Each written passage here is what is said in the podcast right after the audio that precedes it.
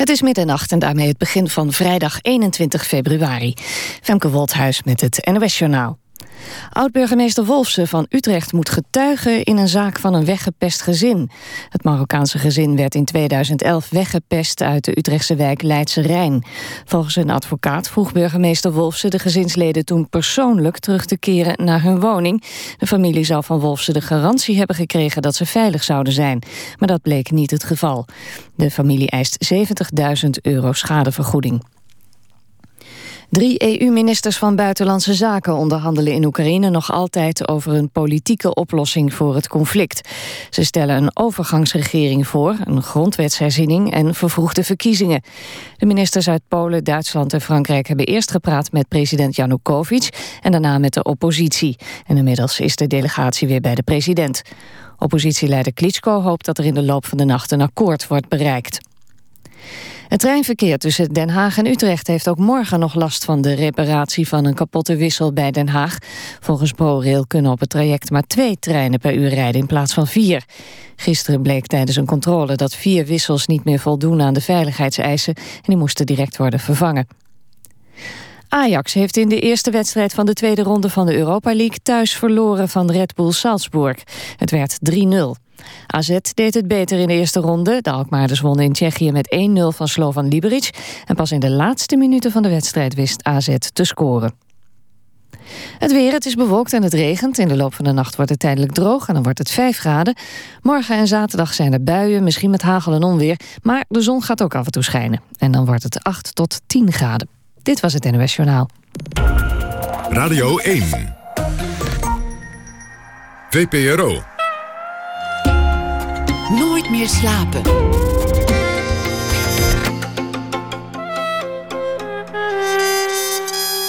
Met Pieter van der Wielen. Goedenacht en welkom bij Nooit meer slapen. Smeltende klokken en tijgers op stelten. Surrealisme kortom, daarover gaat het in het tweede uur... naar aanleiding van een tentoonstelling daarover in Utrecht. En een gesprek met zanger Daniel Lohuus... naar aanleiding van zijn nieuwe album.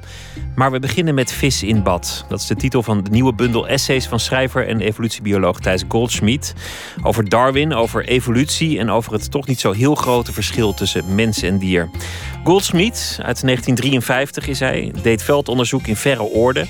Woonde onder meer vijf jaar in Tanzania. Zijn onderzoek naar het ontstaan van nieuwe soorten mondde in der tijd uit in een boek, Darwins Hofvijver, dat internationaal een groot succes werd. De universiteit heeft hij inmiddels lang achter zich gelaten. Hij is al jaren een zeer productief essayist en wordt aangeprezen als de uitvinder van het vaag denken. Hartelijk welkom, uh, Thijs Goldsmith. Dankjewel. Wat is dat eigenlijk, vaag denken? Ja, het, het, het komt eigenlijk voort uit een, uh, een uh, gastschrijverschap... wat ik vervulde aan de TU Delft. En uh, ik mocht zelf verzinnen wat ik met studenten zou gaan doen... die geïnteresseerd waren in, in schrijven... en die in dat, tijdens dat gastschrijverschap iets aangereikt zouden krijgen... wat in het normale curriculum niet te vinden was... En ik overwoog toen... ja, als die, die technische studenten, technische natuurkunde, nanotechnologie... Eh, uh, als die nou werktuigbouwkunde, als ze iets niet mogen... dan is het waarschijnlijk vaag denken. En toen dacht ik, ik ga men proberen om dat gastschrijverschap daarop te richten. En uh, ik merk zelf dat als ik mezelf de tijd gun om vrij te associëren. Ehm, en dat is dan iets wat in de buurt komt van eh, vaag denken. Dat ik, dat, dat productief kan zijn. Dus dat het uh, niet altijd nodig is om uh, heel exact en precies na te denken. Maar dan moet en, je wel veel, veel gedachten weggooien als je vaag denkt. Want anders wordt het een, wordt het een bende. Want niet elke, elke vage gedachte lijkt me even goed. Nee, dat is ook zo. En uh, ik denk ook dat er heel vaak te vaag wordt gedacht. En dat er uh, op heel veel onderzoek, bijvoorbeeld uit de geesteswetenschappen... wel wat valt aan te merken omdat het te vaag blijft. Maar in dit geval ging het me er eigenlijk om. Waarschijnlijk zijn er ook ja, geldt voor elke onderzoeker dat er een fase is waarin hij zogenaamd vaag denkt en vrij associeert. En dat geldt natuurlijk ook voor theoretisch natuurkundigen en voor, voor, voor technici. Maar over het algemeen worden die studenten toch getraind in het heel precies rekenen en het heel exact formuleren. En dit was een wat dromeriger en poëtischer benadering. Als je werkt aan zo'n bundel essays, elk essay is eigenlijk een product van, van in beginsel vaag denken. Uh, als verbanden leggen, associaties tussen allerlei dingen. Al dan niet met, met de evolutie. Hoe ziet dat eruit? Lig je dan op de bank je gedachten uit te testen? Of, of, of, of, loop je heen en weer en gooi je de hele tijd gedachten weg in je hoofd? Of zit je te typen en, en lukt het of lukt het niet? Ja, um, ik, ik, ik, ik, heb wel een zekere schrijfdiscipline. Dus ik probeer wel uh, dagelijks uh, naar mijn werkplek te gaan. Gescheiden van mijn, uh, mijn, de plek waar ik woon. En als ik daar ben, dan ga ik wel schrijven. Maar soms ga ik ook zitten lezen. En dan kan er bijvoorbeeld tijdens het lezen een, een vraag reizen. En als ik dat een interessante vraag vind, dan ga ik daar iets over opschrijven. En vaak groeit zo'n stuk heel langzaam. En uh, maak ik eerst een... Ja, denk ik dat ik er bijna ben en dan lees ik het nog een keer over. En dan denk ik, ja, maar dat is eigenlijk niet de interessante vraag. En dan uh, begin ik opnieuw met iets wat, uh, wat ik tussen de regels door heb gelezen. En wat ik interessanter vind dan het, de oorspronkelijke uh, onderwerpen die ik heb aangesneden. Dus uh, ja, eigenlijk weet ik van tevoren vaak niet zo heel precies waar ik uitkom... tenzij ik reageer op een, op een opdracht. In, het, uh, in de bundel staat bijvoorbeeld een, een stuk over uh, properheid... en de, de Nederlandse hang naar properheid die er zou bestaan. En dat kwam voort uit een project van een notabene een modeontwerper, Aziz Bekaoui. Dat heette Melkkleuren. En hij is van Marokkaanse afkomst. En uh, heeft zich afgevraagd op een zeker moment... wat is voor mij nou typisch Nederlands? Toen had hij bedacht melk, uh, waarschijnlijk ook kaas, andere zuivelproducten. En die heeft toen mij gevraagd om over dat onderwerp een uh, essay te schrijven. En in dat geval worden mijn gedachten natuurlijk al direct gestuurd door die vraag. Maar ja, ik doe dat eigenlijk dan alleen als ik het een interessant onderwerp vind. Als je je eenmaal hebt verdiept in, in de evolutie, het is zoals Johan Cruijff ooit zei: als je het eenmaal door hebt, ga je het zien. Of als je het eenmaal ziet, dan, dan heb je het door. En ja, het liep allemaal een beetje door elkaar, zoals dat gaat met Cruijff. Maar het is allebei natuurlijk waar. Als je het door hebt, ga je het zien. Is het dan ook zo dat, dat je over, over straat loopt en overal de evolutie aan het werk ziet? Uh, nou, ik ben er niet altijd zo bewust mee bezig. Maar uh, als ik me er even op richt of voor openstel... dan is dat er heel snel. En ik ervaar het om me heen kijken met een evolutionaire blik... als geweldig inspirerend en verrijkend. En eigenlijk is dat ook wel een drijfveer bij het schrijven. Dat je de hoop hebt dat je enkele anderen... misschien met dat enthousiasme zal besmetten... door op zo'n manier te schrijven. Gebeurt het elke dag, eh, kijken met een evolutionaire blik? Eigenlijk wel, ja. Wat was het vandaag? Nou, ik kijk nu bijvoorbeeld naar de manier waarop jij je hand heel snel beweegt... en met dat potlood en op welk moment je dat doet. En ik heb daar niet direct een interpretatie voor... maar ik begin er wel al over te piekeren. Dus ik probeer dan een gedragsbiologische interpretatie te geven van iets van wat het, ik het, zie. Het wiebelen met mijn pen. Dat is waarschijnlijk wat, wat in de natuur eh, zou heten overslaggedrag hè, bij chimpansees.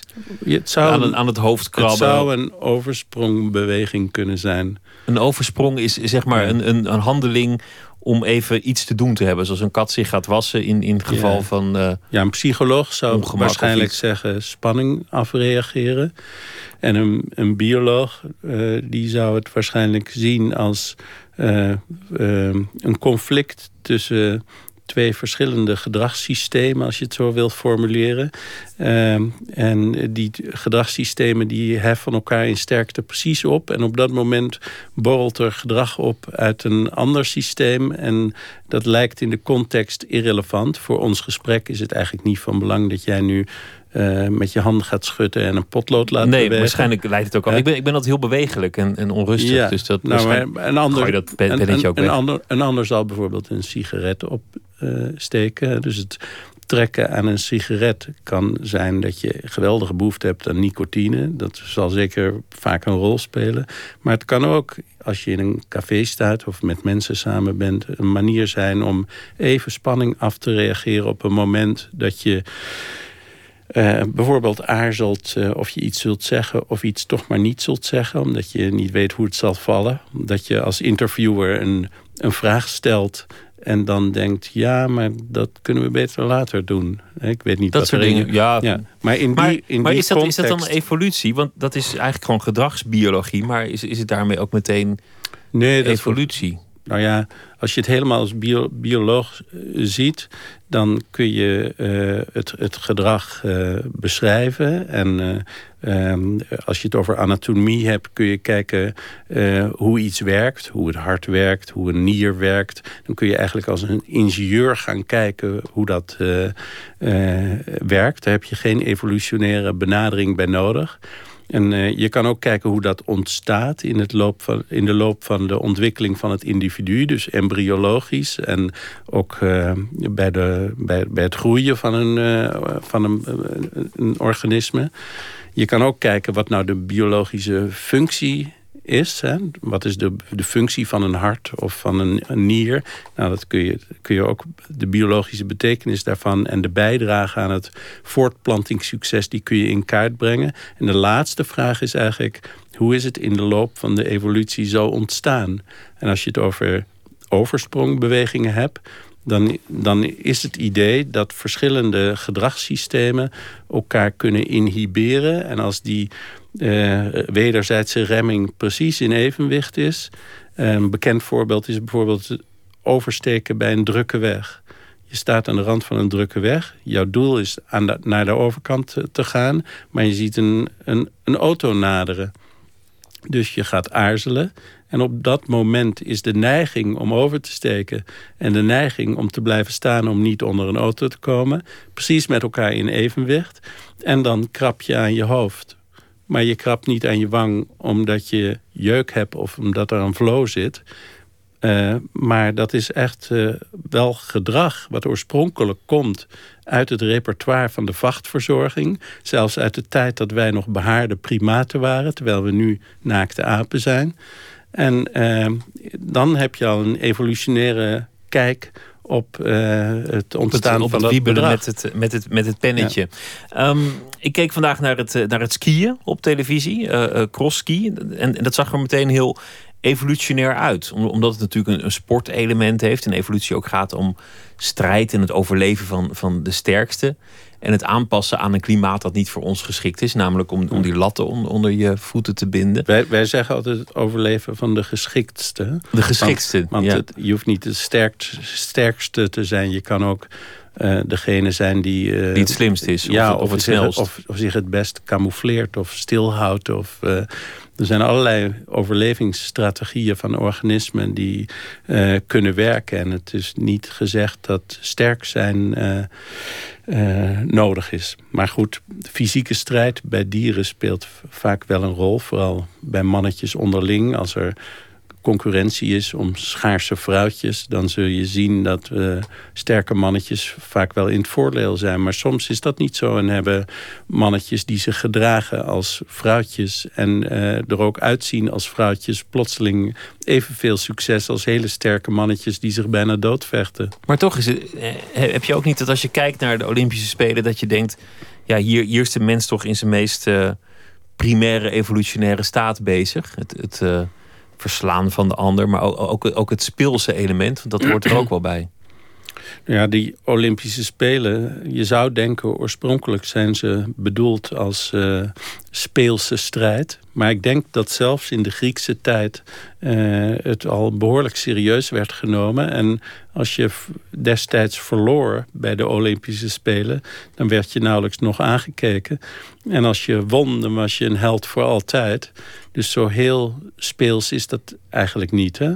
ik, ik vind ook dat Huizinga, Johan Huizinga, de historicus, gelijk had toen hij stelde dat je in uh, allerlei takken van sport een wat hij noemde verernstiging van het spel ziet, waardoor dat ludieke element wat uh, spelen zo leuk maakt en wat sporten ook zo aangenaam zou kunnen maken, uh, aan het verdwijnen is. En bij de Olympische Spelen zie je wat mij betreft uh, een, uh, een ex excess daarvan. Hè? Ja, want elke, elke minuut is, is geoormerkt door de trainer. En je, en je, mag absoluut niet meer zelf bepalen wat je eet of wat dan ook. Dus, dus elke speelsheid is eigenlijk uitgesloten. Ja, ik heb wel eens gelezen dat iemand uh, een, een, een uh, begrafenis uh, van een dierbare liet passeren... omdat een, zo'n wedstrijd aanstaande was... en, en hij het niet, zich niet kon permitteren om zijn concentratie te verliezen... en door zijn trainers ertoe werd bewogen om maar niet naar die begrafenis te gaan. Dus daar is heel weinig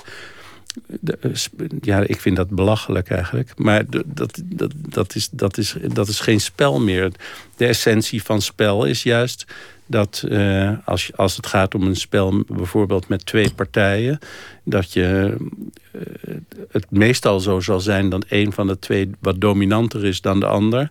En dat die dominante uh, persoon of het dominante dier zich inhoudt... en ook de ander een succes gunt en dat dat heen en weer gaat. Rolwisseling is ook essentieel voor spel. En je ziet bij heel veel dieren zelfs dat ze doen aan wat biologen self-handicapping noemen. Dus dat uh, het sterkste dier of het dominantste dier zich, zich inhoudt... Uh, omdat zo'n beest misschien zelfs beseft... ja, anders is het afgelopen met het spel. Dan wordt het serieus. Is het, is het spel bij conflict. Is het spel bij dieren? Hebben dieren vrije tijd? Ja, dat vind ik bijvoorbeeld een hele mooie vraag. Uh, hebben dieren uh, vrije tijd? Dat is een, een vraag die ooit terloops werd gesteld door Ellen de Bruin van NRC Handelsblad. En uh, we praten gewoon door over allerlei dingen. En die vraag die liet mij niet meer los. Ik vond eigenlijk zo'n goede vraag dat ik me daarin ben gaan verdiepen. Dat is dus ook een manier waarop het essayeren kan gaan. Dat iemand anders iets zegt zonder daar nou heel veel aandacht aan te besteden. Maar dat het bij mij blijft hangen. En dat het dan een onderwerp wordt en uiteindelijk een heel verhaal. Zoals ja. uh, Vis in, in bad. Het is ook het titel-essay geworden van, deze, van dit boek. En uh, het blijkt... Je, je zou eigenlijk als evolutionair bioloog denken... dieren besteden hun tijd zo efficiënt mogelijk. Want in de evolutie draait het om het zo groot mogelijk maken van het voortplantingssucces. Het zo efficiënt mogelijk verbreiden van je eigen genetisch materiaal. Dus werk maar zo hard mogelijk en zorg voor zoveel mogelijk nageslacht. En als je om je heen kijkt in de natuur, dan zie je toch, ja, je ziet hardwerkende beesten, maar ook allerlei beesten die een groot deel van het etmaal liggen te lummelen. En uh, je vraagt je zich af, hoe kunnen die in godsnaam zich permitteren om zoveel tijd ogenschijnlijk te verprutsen? En uh, zouden ze niet veel beter af zijn als ze harder werken dan ze doen? Er is een heel mooi veldonderzoek gedaan in de Lauwersmeer in Groningen door uh, Serge Daan en zijn medewerkers. Die hebben alle torenvalken in dat gebied geringd en die broeden daar in nestkasten die door de biologen zijn opgehangen. En die torenvalken die leggen gemiddeld vier eieren. En, en, daar komen kuikens uit en die worden gevoed met muizen. En het zijn vooral dan de, de mannetjes die uh, muizen jagen en naar die nestkast brengen. En die jagen dan op twee verschillende manieren. Door wat je vaak ziet als je in een auto over de snelweg rijdt... dan zie je torenvalken in de lucht bidden. Ehm, ze blijven bijna in dezelfde stand. Dat kost ontzettend veel energie. Hun kop beweegt bijna niet heen en weer. En eh, dat heeft ook een reden dat ze dan heel scherp zicht hebben... en efficiënt muizen kunnen detecteren en, en vangen... En dat doen ze dan ook, maar het kost dus ook erg veel energie. En uh, er is een andere manier van jagen... waarbij ze op een, een paaltje zitten... Uh, en uitkijken over een weiland... en eigenlijk een beetje zitten te lummelen, zou je zeggen. Maar het is eigenlijk wachten op actie. Het, het, is, het is niet echt lummelen, het is meer loeren. Het is meer wachten tot het begint. Ja, loeren zou het kunnen zijn. Soms zitten ze ook te zoesen of te slapen. Dat kost veel minder e-, energie, maar het is uh, ook minder efficiënt. En nou zagen ze, die biologen dat uh, die torenvalken uh, maximaal zo'n uur of vier per dag biddend jagen. En je zou kunnen denken, gaan ze dan harder werken... als je bijvoorbeeld het legsel vergroot, experimenteel... doordat twee eieren van een ander stelletje... bij die vier die in die nestkasten meestal liggen te doen. En dat gebeurde inderdaad. Dan gaan die mannetjes harder biddend jagen... En je zou denken, nou, dan krijgen ze meer jongen. Dus dan uh, gaan die harde werkers in de loop van de generaties uh, zich verbreiden. En uiteindelijk heb je allemaal keiharde werkers. En zo gaat het niet. Want over het hele leven berekend blijkt dan dat die harde werkers eerder sterven. Die hebben dus de, de lapsans heeft een voordeel eigenlijk? Ja, en daarom voel ik mij ook zo gesteund. En daarom heb ik me ook met zoveel plezier in dat onderwerp verdiept. Omdat ik ja, nogal streng ben opgevoed. En altijd, wij moesten zo hard mogelijk werken thuis. En mijn vader had een echt nuttigheidssyndroom. Als die mensen een compliment gaf, dan, dan zei hij... nou, ze werkt zich helemaal dood. Of hij werkt zich helemaal dood. En dat was dan goed? Hij, hij hoorde helemaal niet wat hij zei. Dus uh, ja. ja. je zou denken, wat, wat afschuwelijk. Maar nee, dat was het grootste compliment wat je kon krijgen.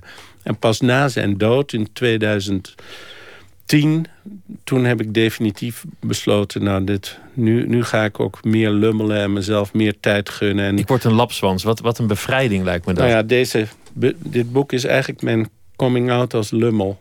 Heerlijk. We gaan luisteren naar uh, uh, muziek over uh, Darwin natuurlijk. Charlie Darwin heet het nummer van The Low Anthem. Dan denk je aan Amerikanen, maar ze doen veel meer muziek.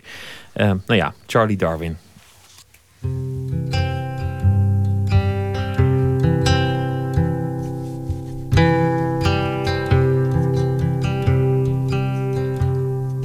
Set the sails, I feel the winds are stirring. Towards the bright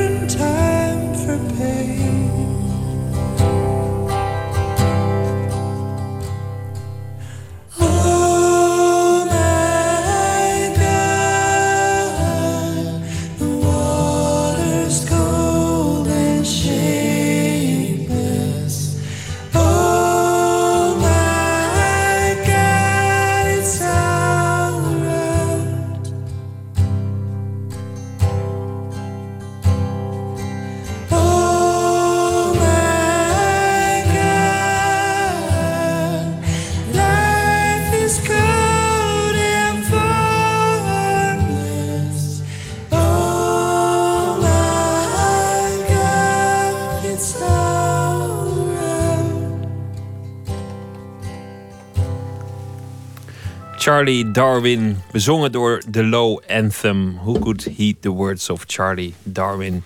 Thijs Goldschmidt zit in de studio. Hij heeft een nieuwe essaybundel die eh, binnenkort verschijnt. Vis in bad. Ehm, we hadden het net over eh, hoe je kijkt eigenlijk. Hè? Want dat, dat is de kunst uiteindelijk. Het, het vaag denken, maar ook het begint met het kijken. Daar, daar, daar ging het in je werk eigenlijk ook heel vaak over. Gewoon kijken naar een situatie, naar een, naar een meer, naar een aantal Mhm. vissen, naar, naar andere natuurverschijnselen. En dan net zo lang kijken tot je tot, je tot een theorie komt. En, en Mhm. daar moet je ook wel heel goed in zijn. Zo goed kunnen kijken dat je ineens het systeem gaat zien.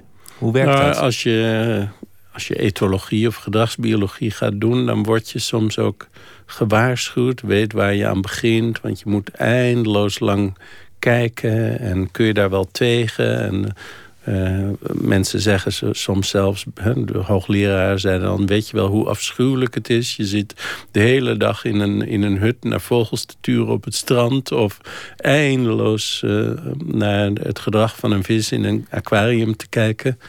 En mij sprak dat juist eh, erg aan.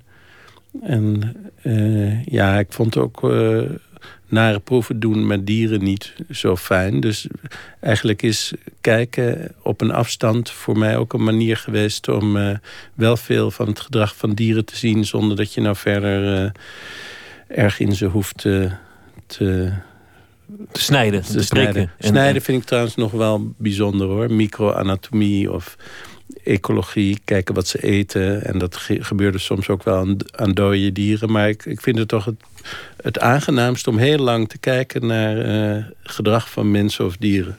Maar, maar zo- zoals je net al zei, me- meestal gebeurt er gewoon geen ene donder in, in de natuur. Nee, heel vaak gebeurt er niks. Dat vind ik ook heel rustgevend. Dus eh, ja, ik denk dat voor veel mensen het eh, erg saai zou zijn. Maar af en toe gebeuren er wel dingen en dan kan het heel spannend zijn. En dan plotseling kun je een, kun je een idee krijgen. Ik weet, ik weet nog dat ik buiten veldwerk deed aan stekelbaarzen. Eh, en ja, wie gaat daar nou eh, maandenlang naar stekelbaarsjes eh, in, een, in een vijver zitten kijken? Maar toen kreeg ik plotseling door dat eh vrouwtjes vissen het gedrag van andere vrouwtjes vissen kopieerden. En dat ze eh, als, een, als een vrouwtje voor een bepaald mannetje had gekozen om daar eieren bij af te leggen in zijn nest, dan was de kans groot dat andere vrouwtjes dat gingen nadoen. En later bleek dat dat heel wijd verbreid is eh, in de dierenwereld. En je ziet het ook bij mensen dat eh, vrouwen vaak het gedrag van andere vrouwen kopiëren. En ja, dat vond ik, vind ik dan inter- interessant. Dat eh, zo'n fenomeen eh, niet alleen voor die visjes geldt, maar dat als je goed om je heen kijkt. eh, Dan zie je het ineens overal. dan zie je het ineens overal. Was En- Darwin, was Darwin de beste eigenlijk als het daarover ging? Want die, die keek naar allerlei natuurverschijnselen. en zat eindeloos op een boot of een eiland te kijken. En, en ontdekte ineens een, een, een systeem of, of, een, of een, ja, een fenomeen, evolutie. dat zo Mhm. breed is en waar, dat, dat biologen er nog steeds mee worstelen. Nou ja, ik denk wel, en dat, dat, dat, dat zeg ik niet alleen, maar dat wordt wel algemeen zo gevonden dat Darwin een van de grootste geesten was die ooit op deze aarde heeft rondgelopen. Maar ook een van de beste Dus- kijkers. Als het echt specifiek gaat om het, om het observeren. Ja, hij was natuurlijk al van jongs af aan enorm eh, veel eh, aan het kijken naar vogels. En niet alleen aan het kijken, want kijken was in die tijd vaak ook jagen en schieten. En eh, hij was een, ruiter en ging, ging te paard de natuur in. En keek heel erg goed, maar, maar schoot ook vogels en bekeek ze dan verder. En verzamelde insecten. In die tijd van Darwin was het verzamelen van insecten ook een soort rage. Dus de helft van de Londenaren verzamelde insecten. En eh, hij heeft eindeloos wandelingen gemaakt met een eh, wat oudere man. Grant heette die, Robert Grant in Edinburgh, waar hij geneeskunde studeerde. En Darwin kon helemaal niet tegen bloed en tegen op het, zien van operaties. Zeker zonder verdoving, zoals dat in die tijd nog wel gebeurde. Dus hij spijbelde van zijn studie en ging dan met die Robert Grant langs het strand eh eh, sponsen en polypen en eh, visjes en schelpen verzamelen en bestuderen. En hij leerde van die Grant heel goed kijken, maar ook goede vragen stellen. Dat is natuurlijk ook belangrijk. Een, een goede vraag leidt tot een goede, goede theorie uiteindelijk. Ja, dan Ja. vonden ze een stu- stuk spons en dan eh, kwa- kwam de vraag op... Ja, dat zijn een soort dieren, hè, maar wat, wat een vreemde dieren. Want waar houdt eh, het ene individu op en het begint het andere? Dat is bij een spons helemaal niet duidelijk. En dan, eh, Darwin die stelde zichzelf dan vragen... wat is eigenlijk een individu?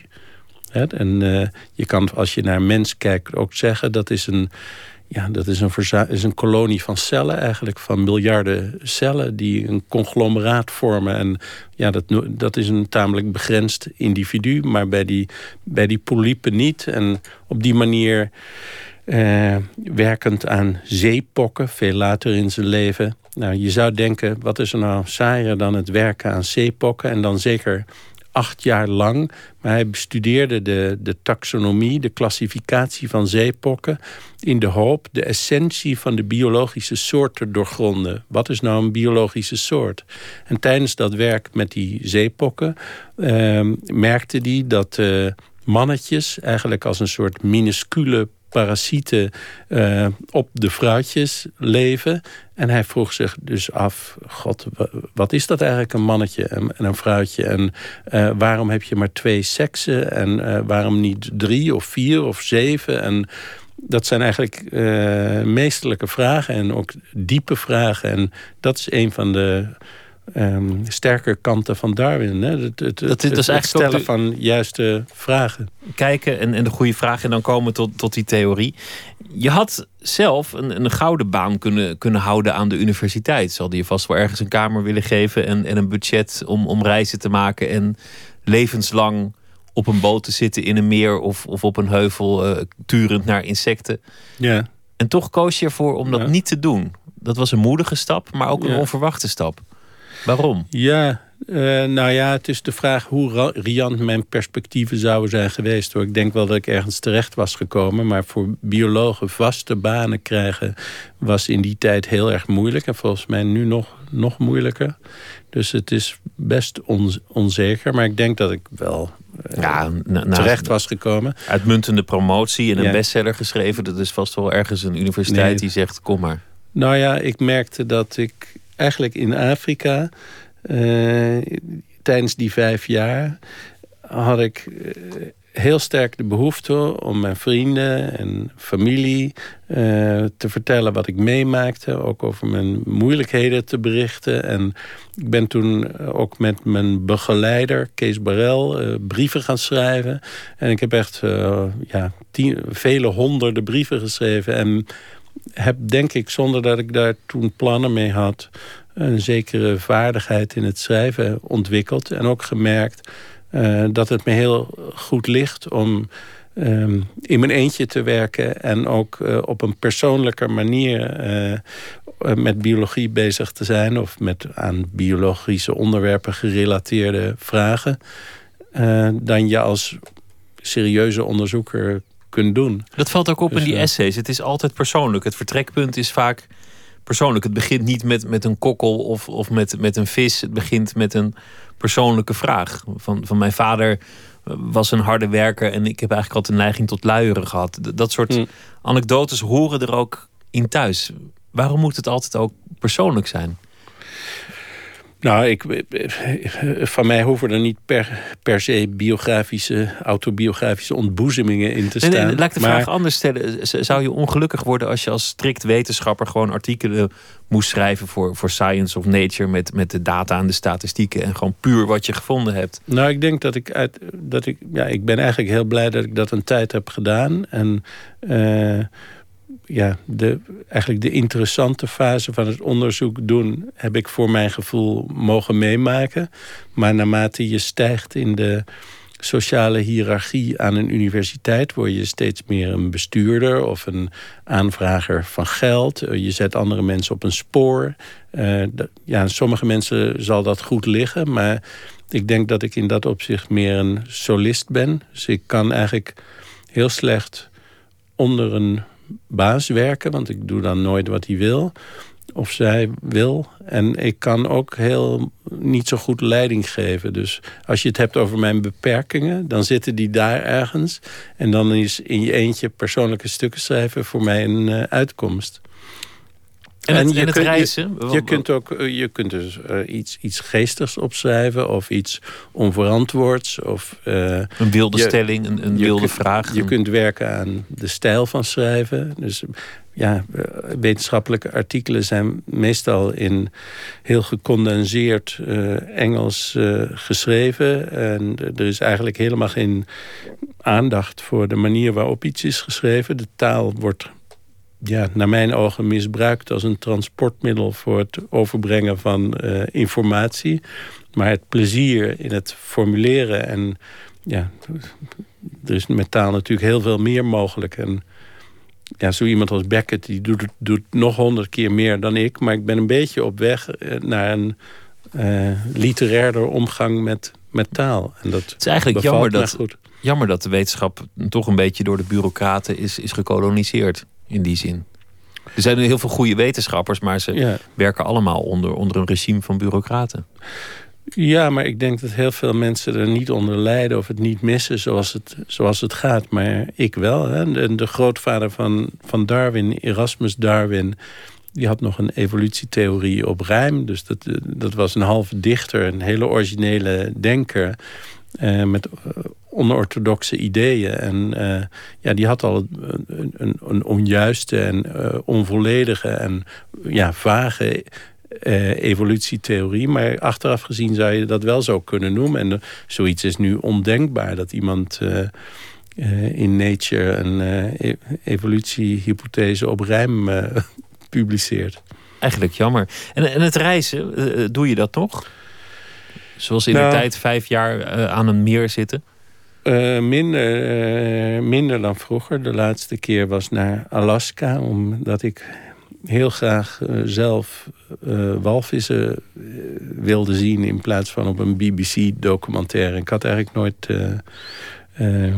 walvissen echt goed gezien en orka's hoopte ik te zien. En dat is toen tijdens die reis, zo'n NRC-academiereis was het, mocht ik een paar lezingen houden en dan als tegen eh, prestatie mocht ik gratis met zo'n voor mij onbetaalbare reis mee. Dus dat, dat, eh, dat vond ik eh, heel bijzonder. Dat je de oceaan op vaart met een pontje.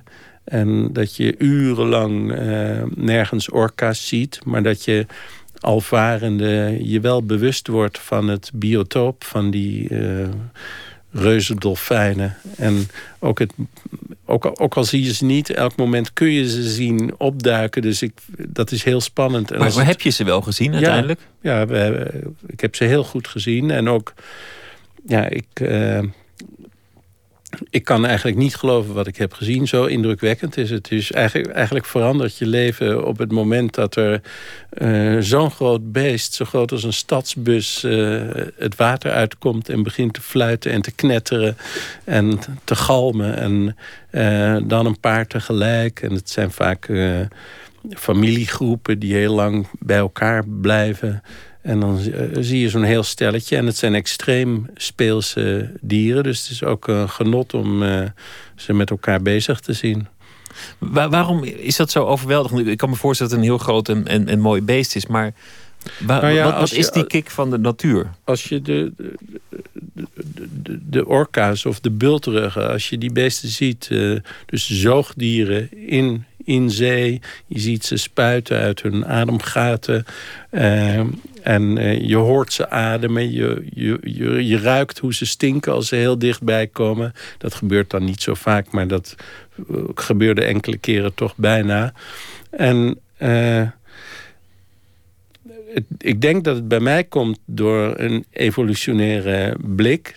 En, en het besef dat die enorme beesten zijn ontstaan uit een klein eh aasetend, hertachtig, coyoteachtig beest... wat langs het strand scharrelde, eh, misschien 50 miljoen jaar geleden... in wat nu Kashmir heet. En daar had je toen een ondiepe zee. En er zijn fossielen gevonden van die, van die beesten. Die hebben hele zware botten met een hoog soortelijk gewicht. Wat eh, waarschijnlijk ermee te maken heeft... dat ze steeds dieper in het water voedsel zijn gaan zoeken. En uiteindelijk via krokodilachtige tussenstadia in ongeveer 20 miljoen, jaar zijn getransformeerd tot echte walvissen. En die walvissen zijn weer opgesplitst in misschien wel duizend walvissoorten, waarvan er nu nog 80 over zijn. En ja, dat dat allemaal is gebeurd en dat die beesten allemaal uit zo'n hertje eh, zijn ontstaan. Indohyus, Pachycetus, dat zijn de technische namen voor die eh, beesten. En eh, als je nu kijkt naar de, eh, het, genoom van de, van, de, van de orka's of van de walvissen... dan zitten daar allerlei genen in die eh, het niet meer goed doen. Die eigenlijk een soort moleculaire fossielen zijn. En die betrokken zijn geweest ooit bij het ruiken. Die walvissen en orka's die ruiken heel slecht. Maar dat aasetertje, dat rookt nog heel goed. Dus dat zijn reminiscenties aan waar, waar die beesten ooit eh, vandaan zijn gekomen. En Genetische fossielen in, in, in het beest. ik vind dat dan heel indrukwekkend en eh, ook Ja. verrijkend om het zo te zien. Je, je zei net dat je thuis een strenge vader had en, en dat, je, dat je thuis hard moest werken. Dat, dat, dat klinkt Ja, niet... streng is misschien niet helemaal het goede woord, maar hij, hij wilde in ieder geval dat je je tijd niet verlummelde, dat je geen tijd verprutste, dat je altijd nuttig bezig was. En eh, mijn, mijn vader en ik had een hele lieve moeder, maar die leden echt wel onder een nuttigheidssyndroom. Dus eh, je moest altijd eh, In de, in de weerzin. zo efficiënt mogelijk werken, zo hard mogelijk werken. Klink, klinkt niet heel gezellig per definitie. Nee, dat was niet, niet zo. Ik vond het ook niet zo heel gezellig. Nee. Thuis. Nee. Je, je vader had een, had een oorlogstrauma. Die, die, eh, Mhm. die had eronder te lijden. Dat, dat straalde uit op de, op de rest van, van de familie. Is, is, is het toen begonnen dat de natuur misschien ook een soort vlucht was? Of een soort, soort troost? Dat je, dat je dan in, in, door naar dieren te kijken vreugde beleefde? Ik, ik zit een, beetje, een beetje vagelijk eh, de psycholoog uit te hangen. Ja, Maar ja. Nou ja. Eh, ik denk dat eh, als je het nog even over mijn vader hebt... dat die eh, zo hard werkte om niet aan de oorlog... En, en alle omgekomen familieleden te hoeven denken... dat hij daarom... dat was voor hem een manier, net zoals voor heel veel mensen na de oorlog... om te niet- overleven, om, Ja. om gewoon verder te kunnen, om niet te Ja. breken. Ja. En eh, ik ben niet eh, op de middelbare school al zo enorm veel naar dieren gaan kijken hoor. Wel een beetje. Ik denk dat het bij mij eerder lezend begonnen is... doordat ik de boeken las van Dick Hillenius. En dat vond ik zo'n inspirerende figuur. Die speelde heel goed piano. Hij had componist willen worden. Dat was hij net niet geworden.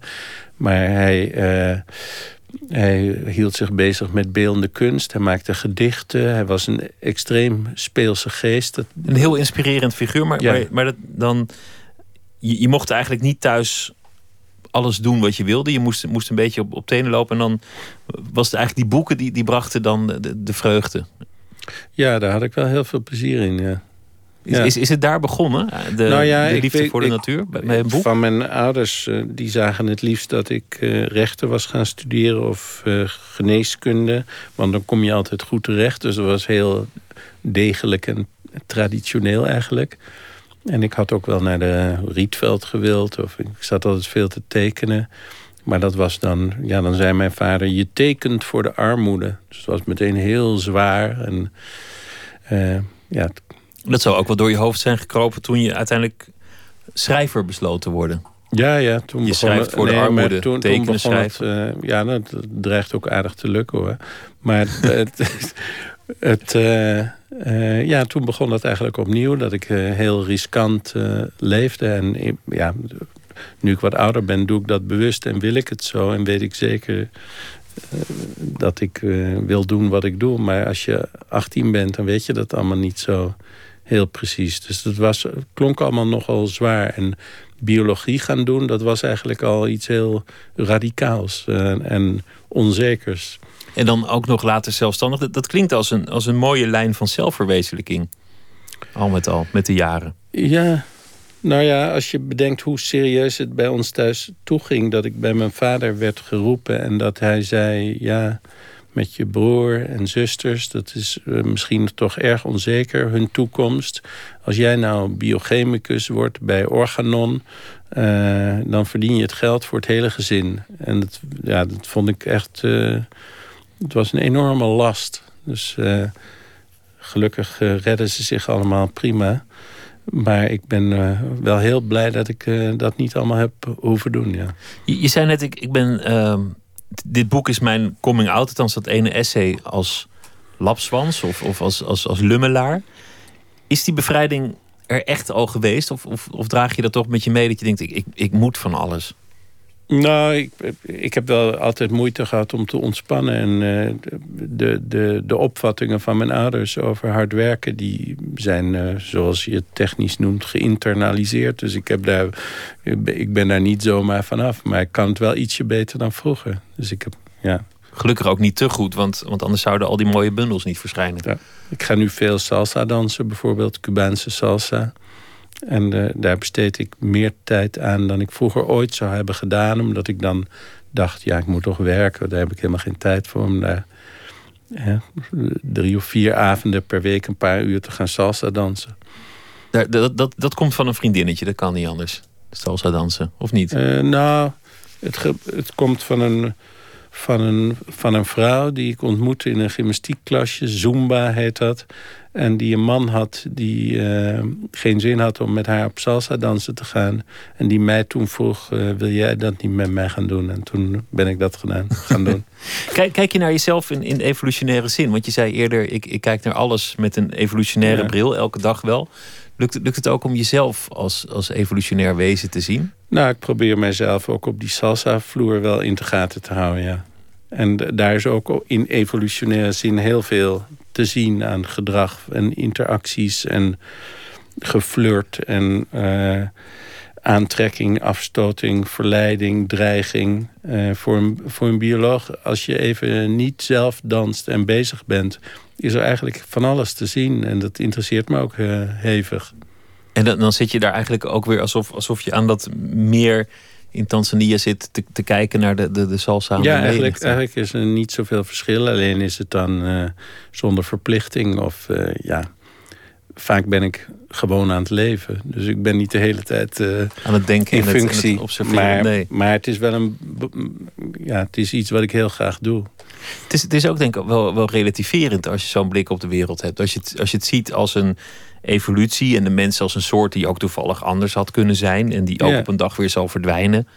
En Nou, dat is ook zo. Als je mij vergelijkt met een creationist, dan is het een heel andere blik op de, op de mens. En dan, zie- dan zie ik eh, mensen als intelligente primaten, maar toch echt eh, primaten. Een van de 200 soorten die een enorm brein met zich meezeulen, wat eh, deze hele wereld heeft veranderd. Maar ja, en, en, en ik voel, wel voel me ook wel echt verbonden met. eh, de mensheid.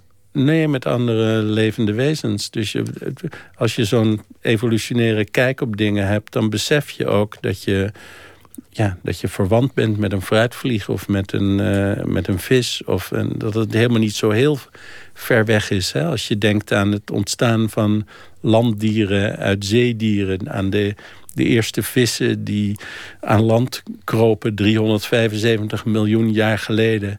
En je, je beseft dat de vinstralen van die vis eh, in de loop van een eindeloos lange tijd zijn omgetoverd tot jouw, uh, jouw handbeentjes. En, maar, maar toch zijn wij als, als mensheid niet zo netjes met de andere soorten al met al. Ik geloof dat er, ik las ergens dat er in het, in het regenwoud alleen al drie soorten per uur verdwijnen op het moment. Ja, nou ja, ik ben ook helemaal niet zo optimistisch nee, daarover. Maar, nee. maar ja, uiteindelijk komt er dan wel weer een, een andere soort, of, of we, doen onszelf iets aan, of een kernoorlog, of, uh, of, een, of een inslaande meteoriet. De natuur zal toch wel winnen van de mensheid. Nou, dat denk ik ook, ja. Ja, maar dat, dat, betekent, dat vind ik niet zo geruststellend hoor. Of tenminste op de korte termijn niet. Hè. Als je denkt over een periode van een paar honderd jaar... dan is dat toch erg verontrustend en ook wel heel deprimerend... zoals mensen omgaan met uh, ja, vooral grote zoogdieren uh, op aarde... en allerlei vogels. En uh, het percentage van die soorten wat bedreigd is... dat neemt maar toe en toe... In Nederland gaat het trouwens met vogels uh, niet eens zo heel slecht. Behalve weidevogels dan. En de sperwer maar, las ik vandaag. Dat het met de sperwer niet zo goed gaat. Oh. Ja, dat stond ja. in de krant. Ja, dat...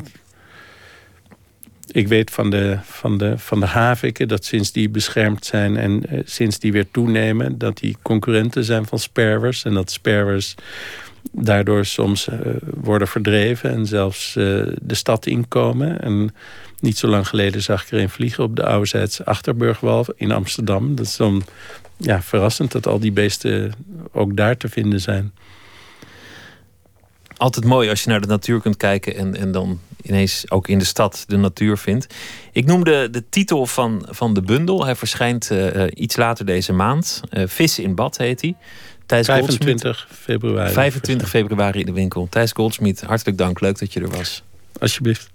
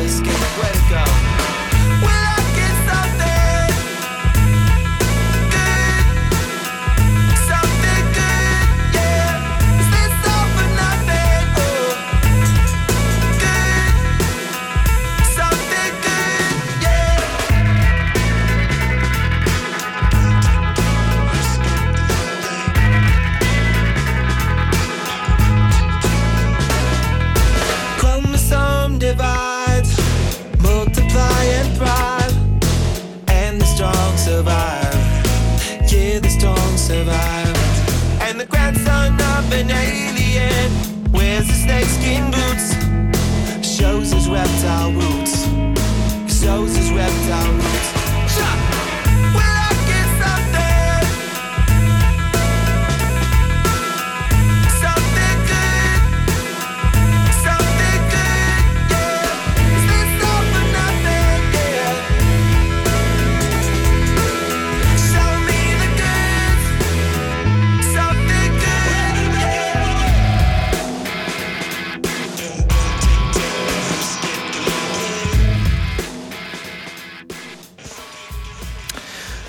Third Eye Blind. Darwin heet het nummer van deze grunge rock band uit San Francisco. Uit 1999 was dat.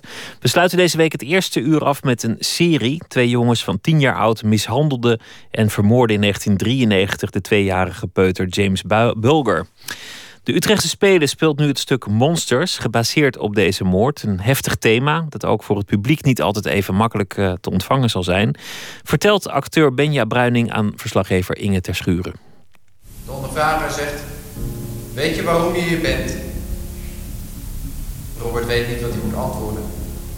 Hij weet niet wat er van hem verwacht wordt. De ondervrager zegt, Robert, weet je waarom je hier bent? Weet jij waarom je hier bent? Benja Bruining, jij bent een van de vier acteurs in het stuk Monsters van de Utrechtse Spelen. Ehm, een stuk waarbij de rollen niet eh, recht toe, recht aan verdeeld zijn. Eh, kun je eh, vertellen wat jouw rol in het stuk is? Nou, feitelijk niet, omdat die dus niet helemaal verdeeld zijn. We wisselen af. De ene keer speelt de een eh, een van de jongetjes of juist een van de agenten en dan weer iemand anders. En dan is die weer de moeder en dan is die weer de vader. En dat gaat helemaal door elkaar, leeftijd en seksen. Het kan allemaal, het kan allemaal in dit stuk. Eh, hoe is dat voor jou als acteur? Is dat eh, dan lastiger om je in te leven of is het eigenlijk wel een prettige afwisseling? Ehm, nou, eh, het is niet. Nee, ik vind het niet moeilijker om me in te leven, omdat het iedere keer is het toch weer een, een scène die is geschreven. De tekst die ik moet zeggen is als een bepaald personage. En we merken, we, we, er staat in de, eh, in de inleiding van het stuk, de schrijver heeft een inleiding erbij geschreven, staat nadrukkelijk dat we niet moeten spelen, dat we niet moeten eh impersonaten, dat we kleine jongetjes gaan spelen met stemmetjes en zo. We, we proberen, we hebben daarmee daarnaar gezocht hoe, wat voor een balans we daarin kunnen. Want als je het allemaal zo gaat voorlezen, is het ook niet echt spannend natuurlijk. Ehm, dus we hebben daarin gezocht. Maar je merkt dat, dat hoe neutraal je het ook probeert te houden, die tekst, die teksten van een jongetje of van een agent, die zijn zo sturend dat het toch altijd kom je daarbij uit. Je bent, hoe je het ook tegenspeelt, je bent een agent. Als je zegt, vertel mij wat waarheid is. Waar was je toen? Wat, wie, wie deed wat? Dat soort teksten, dan ben je gewoon een ondervrager. De spanning neemt een ogenblik af. Voor één moment is het alsof wat gebeurd is niet meer is gebeurd. Wat heb jij voor hobby dan? Zegt de ondervrager. En Robert antwoordt, ik Bijbel. En dan lacht Robert. En dan lacht de ondervrager. Wat is voor jou de grootste uitdaging in dit stuk? Nou, ik denk het, eh, het publiek. De uitdaging zit hem in het publiek. Het publiek mee te nemen hierin en met onze gedachten mee te krijgen ook, zonder dat ze afhaken. Dat klinkt dan ook alsof dat eh, heel erg op de loer ligt. maar dat, dat is natuurlijk niet de bedoeling. Maar het, het is hele zware materie. Ik heb zelf ook wel eens dat ik in theater zit en denk... Jeetje, wat zijn we weer lekker geëngageerd, zeg maar. En dat is dit wel. Maar de, de strijd gaat er erin zitten dat mensen wel dus hierover moeten gaan nadenken. En wat, wat, wat is dit dan? Eh, Dat, dat dit kan gebeuren. Dat is ook iets wat we zeggen ja, eh, in de voorstelling. Dat kinderen kinderen doden. En hoe moeten we ons daartoe verhouden? Dat is wel iets waar we, waar we mensen toe willen aanzetten. Om, dat, om daarover na te denken. Zonder dat we ze ook per se een kant op willen sturen. Want dat weten wij eigenlijk ook niet. Het is, het is niet iets waarvan we zeggen... we zouden eh, allemaal beter naar elkaar moeten luisteren... dan gebeurt het niet of zo, snap je? Dat, dat is helemaal niet. We proberen dus niet op die manier iets, iets, eh, mensen iets op te dringen... maar wel mensen erover te laten nadenken. En zit er ook zit er lucht in de voorstelling of is het een echt een behoorlijk zwaar eh, stuk? Nee, de, de, de- dat is best ehm, weinig lucht. Dus ik ben heel benieuwd hoe we dat gaan. Wat het gekke is, dat ik... Ik vind het altijd heel onprettig als er, als er geen lucht in een voorstelling zit. Maar op de een of andere manier heb ik dat bij het lezen van deze voorstelling. Dan heb ik er niet zo'n last van, omdat het ook allemaal een beetje misplaatst zou zijn of zo. Dus dat is, dat is een wonderlijke.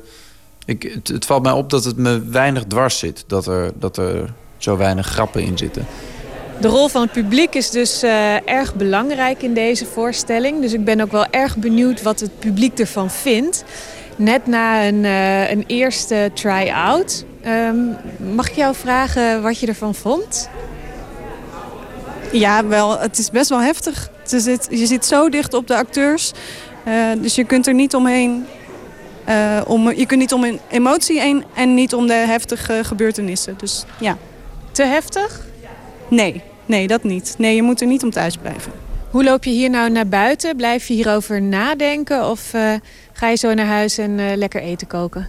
Nou, ik ben vandaag jarig. dus ik ga vanavond een, eh, een feestje houden.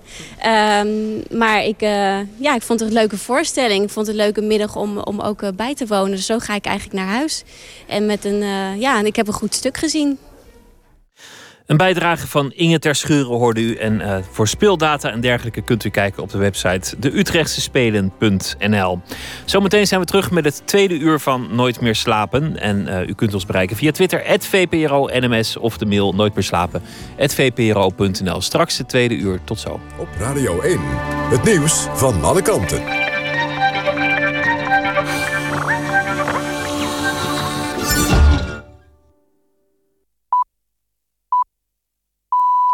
Eén uur, Femke Wolthuis met het NOS-journaal. Het Nederlandse ministerie van Buitenlandse Zaken heeft het reisadvies naar Oekraïne opnieuw aangescherpt. Alle niet-essentiële reizen naar Kiev, Lviv en vier andere steden worden ontraden. Woensdag werd het reisadvies ook al aangescherpt vanwege het escalerende geweld in het land. Toen kregen reizigers het advies de meest onrustige plekken in Kiev te mijden. De Nederlandse ambassade in Oekraïne roept Nederlanders nu ook op zich te laten registreren. Schiphol is een van de luchthavens die is gewaarschuwd dat terroristen mogelijk een aanslag plannen met een schoenbom. Dat meldt het Britse persbureau Reuters. De Nationaal Coördinator Terrorismebestrijding en Veiligheid ziet geen aanleiding om de veiligheidsmaatregelen op Schiphol nog verder aan te scherpen.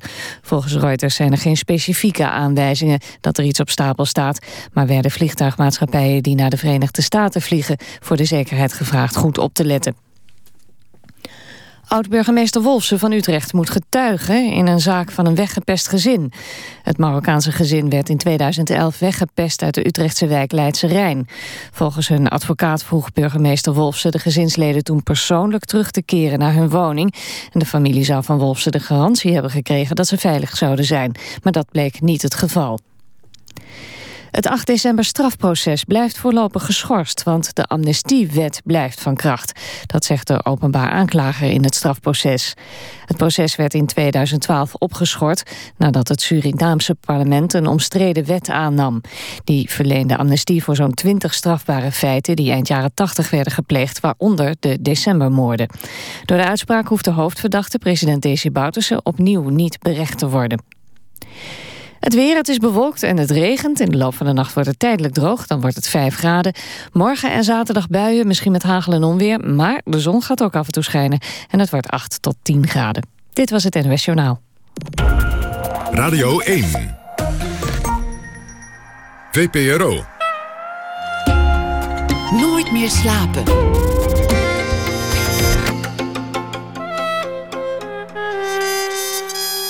Met Pieter van der Wielen. Welkom terug bij Nooit meer slapen. Daniel Lohuus, de zanger uit Erika in Drenthe, heeft een nieuw album uit. Zometeen een gesprek met hem. U krijgt eh, tips voor bij slapeloosheid om in culturele zin de nacht toch nog door te komen van componist Merlijn Twaalfhoven. En we gaan het hebben over surrealisme. Druipende horloges, zwevende mannetjes met bolhoeden. Het is allemaal eh, te zien, maar dan in hedendaagse vorm in het museum in Utrecht. Maar we beginnen met Gustav Peek. Hij mag eh, deze week elke dag voor ons een verhaal schrijven. En hij wil dat gelukkig ook doen. Hij is eh, schrijver, hij heeft drie romans geschreven tot dusver. Armin, Dover en Ik was Amerika. En die laatste roman, daarvoor werd hij bekroond met de BNG Nieuwe Literatuurprijs en de F. Borderwijkprijs. Gustav, goeienacht. Goeienacht, Pieter. Wat heeft je vandaag eh, bezig gehouden? Vandaag eh, eh, heb ik eh, veel nagedacht. Vandaag draait eindelijk in de Nederlandse bioscoop de film 12 Years a Slave. Ja. Geregisseerd door Steve McQueen. En in mijn zoektocht naar imaginaire dagboeknotities vond ik een pagina uit het dagboek van Steve McQueen.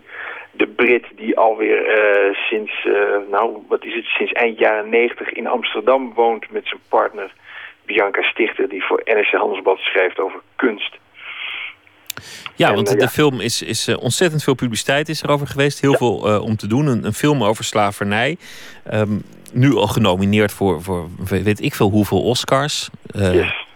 Uiteenlopend gerecenseerd, over het algemeen goed, maar er waren ook mensen die het allemaal te Hollywood vonden. Ja, ja.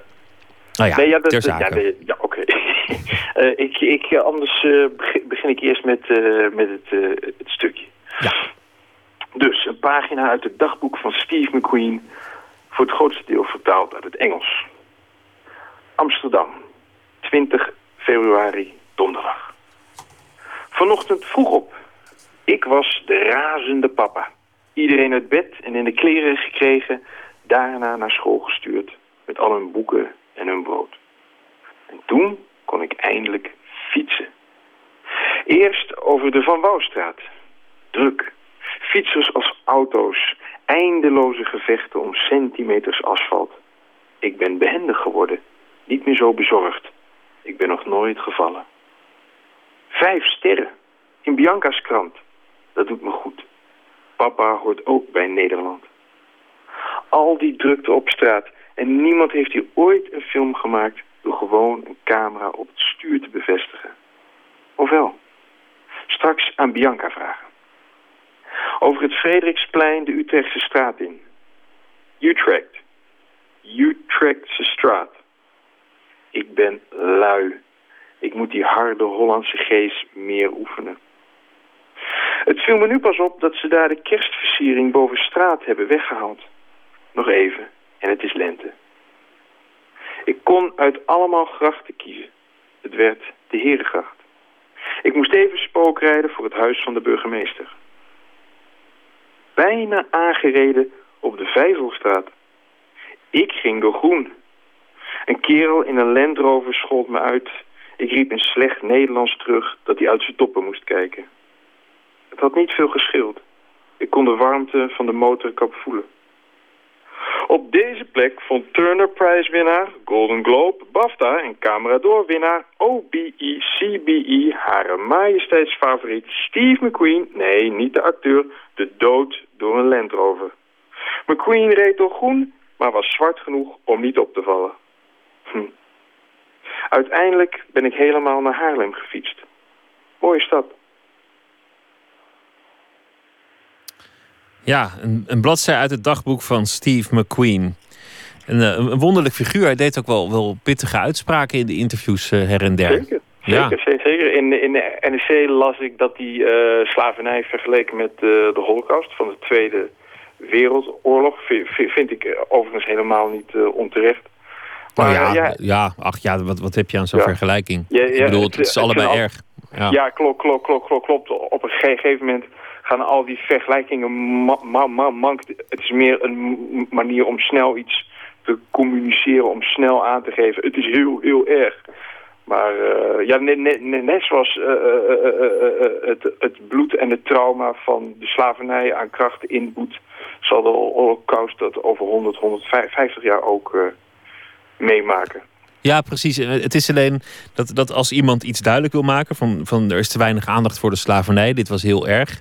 dan, gebruik je een middel om, om het even de boodschap hard in te wrijven... en dan gebruik je de holocaust, want dan heb je de aandacht. Yes, Tweede Wereldoorlog die doet het nog altijd goed. In, Die doet eh, het altijd. Alleen het, het nadeel is dat als, als je dat te vaak doet... dan, dan slaat het gewoon een beetje dood. Dan, Ja, ja, ja, ja. Maar, maar, maar kijk, ja, het, het, het, is wat, wat, wat, wat wonderlijk is, is, ehm, is, is dat er in feite nog relatief weinig films zijn gemaakt over die slavernij. Ja, Nederland is er nu mee begonnen.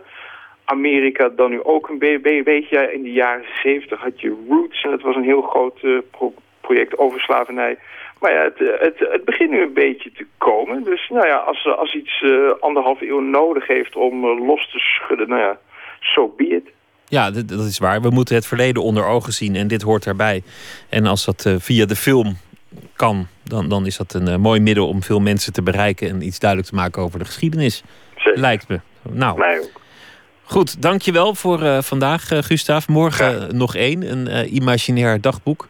Heb je al een idee of wacht je af wat het, eh, wat het nieuws van morgen wordt? Oeh, ik wacht het nog even een, beetje af. Ja, nee, ik, eh, ik wacht. Ik, ik heb wel wat ideeën, maar ik moet nog even zien wat, eh, wat er het beste bij gaat passen. Ik ben heel benieuwd. Ik hoor het morgen. Voor nu een goede nacht. Tot morgen. Ja, goeiedag. Tot morgen. Dankjewel. Prince Johnny, you're kind but you're.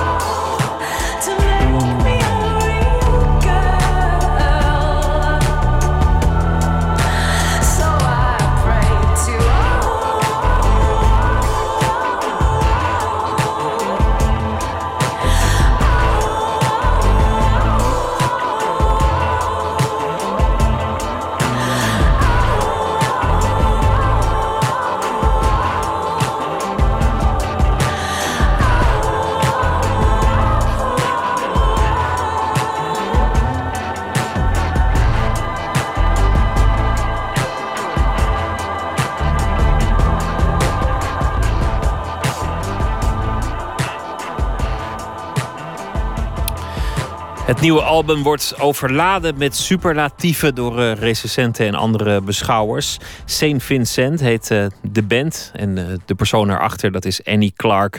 U hoort het nummer Prince Johnny.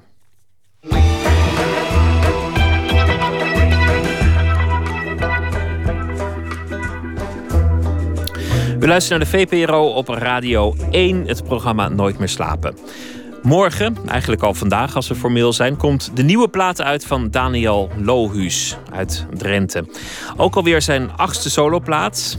Hij, eh, de voltijd Drent Lohuus gaat verder op zijn favoriete thema's: de liefde, vriendschap en de rust achter het huis. Verslaggever Maarten Westerveen zocht Lohuus op tijdens zijn nieuwe tour in het plaatsje Nijverdal.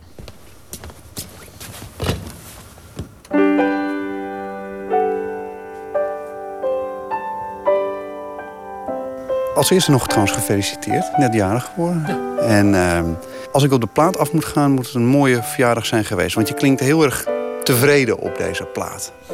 Nou, dat vind ik fijn om te horen. Ja, dankjewel. En het was inderdaad een mooie verjaardag.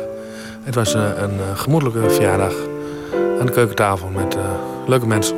Dat was heel gezellig. Ik zat je plaat te luisteren en zoals ik net al zei... het, het is bijna alsof je een, alsof je een zenmeester hoort zingen.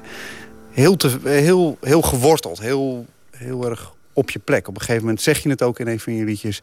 Eh, het, is, eh, het is mooi eh, als je voor jezelf geen vreemde bent. Het klinkt alsof jij onderhand weet wie je bent. Oh, dat vind ik fijn. Want ik ben eigenlijk, jij bent eigenlijk de eerste met wie ik erover over over praat eh, met een draaiende band erbij. Dus ehm, ja, kijk, ik maak het gewoon. Dus ik weet niet eh, hoe dat eh, bij anderen overkomt. Maar ik herken me er wel een beetje in wat je zegt. Inderdaad, het liedje van... eh, je hebt immers altijd nog jezelf. Je hebt je altijd nog jezelf. Ehm, ja, dat klopt wel. Ik was op reis. En eh, ik reis graag en eh, vaak alleen. En... en ik ben ook eh, wat dat betreft eh, graag en vaak alleen.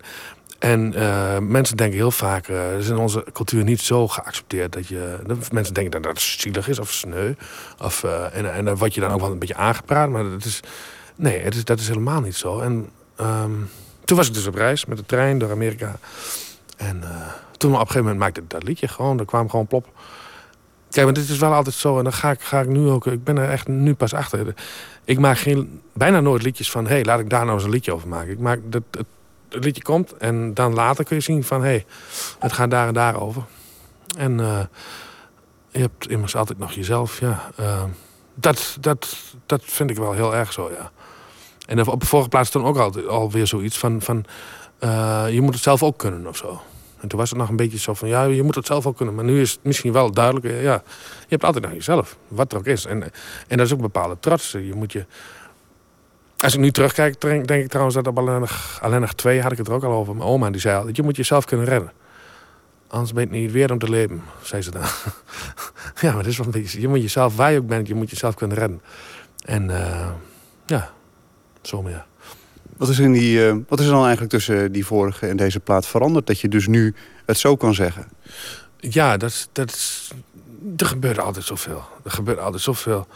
Een vorige eh, plaat eh, heb ik geschreven toen ik, toen ik eigenlijk net een verkering uit had van vijf jaar.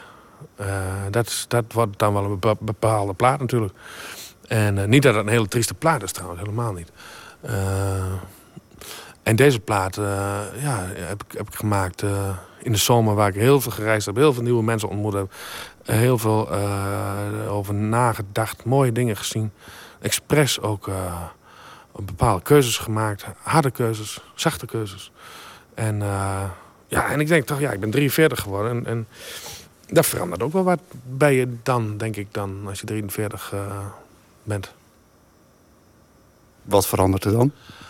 Nou, misschien toch wel, toch wel iets eh, meer richting eh, volwassenheid of zo. eh. Ja, is het, is het tijd onderhand? nou ja, dat gaat ook een beetje vanzelf, maar het is ook wat tijd. Ja, ja het is nodig tijd. Ik, ik ehm, ja, ja, zeker. Ik, heb- ik heb me toch altijd wel een beetje mijn snor gedrukt, ook met bepaalde verantwoordelijkheden. Er zijn dingetjes, gewoon kleine dingetjes, maar met, met, met, met post doornemen en dergelijke. Dat doet mijn moeder nog steeds. En, en ja, die... ja, dat moet je me niet uitlachen. Mijn moeder mag het heel graag doen. En die heeft het altijd gedaan voor de werkboekhouding en zo. En, nou ja, en dan dacht ik, heeft ook wat te doen. En, en, maar eh, dat soort dingen. En ik, heb, eh, ik ben begonnen aan rijlessen. Ik, ik, ik moet, ga nou binnenkort eh, mijn rijbewijs halen. En dat soort zaken. Dus een bepaalde verantwoordelijkheid nemen... dat je niet meer zonder rijbewijs in de auto gaat rijden bijvoorbeeld. Dat is toch wel... zijn wel volwassen dingetjes. Ik lach je niet uit. Het is alleen gewoon meer dat ik hier opeens een soort tien jaar oudere versie van mezelf aan het woord hoor. En ik begrijp dus dat dat mijn deadline ongeveer is, 43. Ja, nee, precies. Ik, ik, ik, ik verstond je lach goed. Ik, ik, ik, wist wel dat je me niet uitlacht. Nee, maar dat, zo gaat het bij sommige mensen. En het is, ja, ik denk ook wel dat het met, met, met wat ik doe te maken heeft. Dat, dat je, ja, dat, ik bedoel, toen ik met skaten begon, toen was, was ik 24. En, toen was, en vanaf toen is het één grote sneltrein. Ja, eerlijk waar. En, en, die sneltrein zit ik nog steeds op. En, en, en wat andere eh, leeftijdsgenoten eh, mee maken en mee moeten maken en mee hebben gemaakt. Dat, ja, ik heb dan weer een heleboel andere dingen meegemaakt. Maar kijk, ik heb niet de verantwoordelijkheden van, van een gezin en dergelijke. En, en eh, ja, dat, dat maakt denk ik ook wel uit, denk ik, op bepaalde vlakken. Over die volwassenheid. Er zit een, een nummer op jouw plaat. En dat is een, het is eigenlijk een soort. Het is een liefdesnummer. Maar het is ook een soort liefdesnummer dat alleen een man die bijzonder zeker van zichzelf is zou kunnen zingen. Dat is eh, Ik ben mijn kameraad. Telefoon laat ik overgaan. Behalve ik naam zie staan. Want hé, dat is mijn kameraad. Die wordt niet gauw kwaad. Ik vond het een heel mooi nummer. En ik geloof ook dat het het mooiste liefdesnummer in die plaat is. Maar zelden hoor je een, nou, een man, ik neem even aan, een andere man op zo'n eerlijke manier toespreken, toezingen. Eh, ja, het, is wel echt, het gaat wel echt over kameraden. Eh, ja. Ik hecht enorm veel eh, waarde aan kameraadschap. En, dat, dat, en dat mis je dan nog wel eens in, in, met sommige meisjes. Nee, ik eh, hecht daar heel veel waarde aan. Ik vind het heel fijn om daar ook over, te- over te, te zingen. En ik ben al een poos, ik heb heel veel nummers met, eh, die, die, die daarover gaan.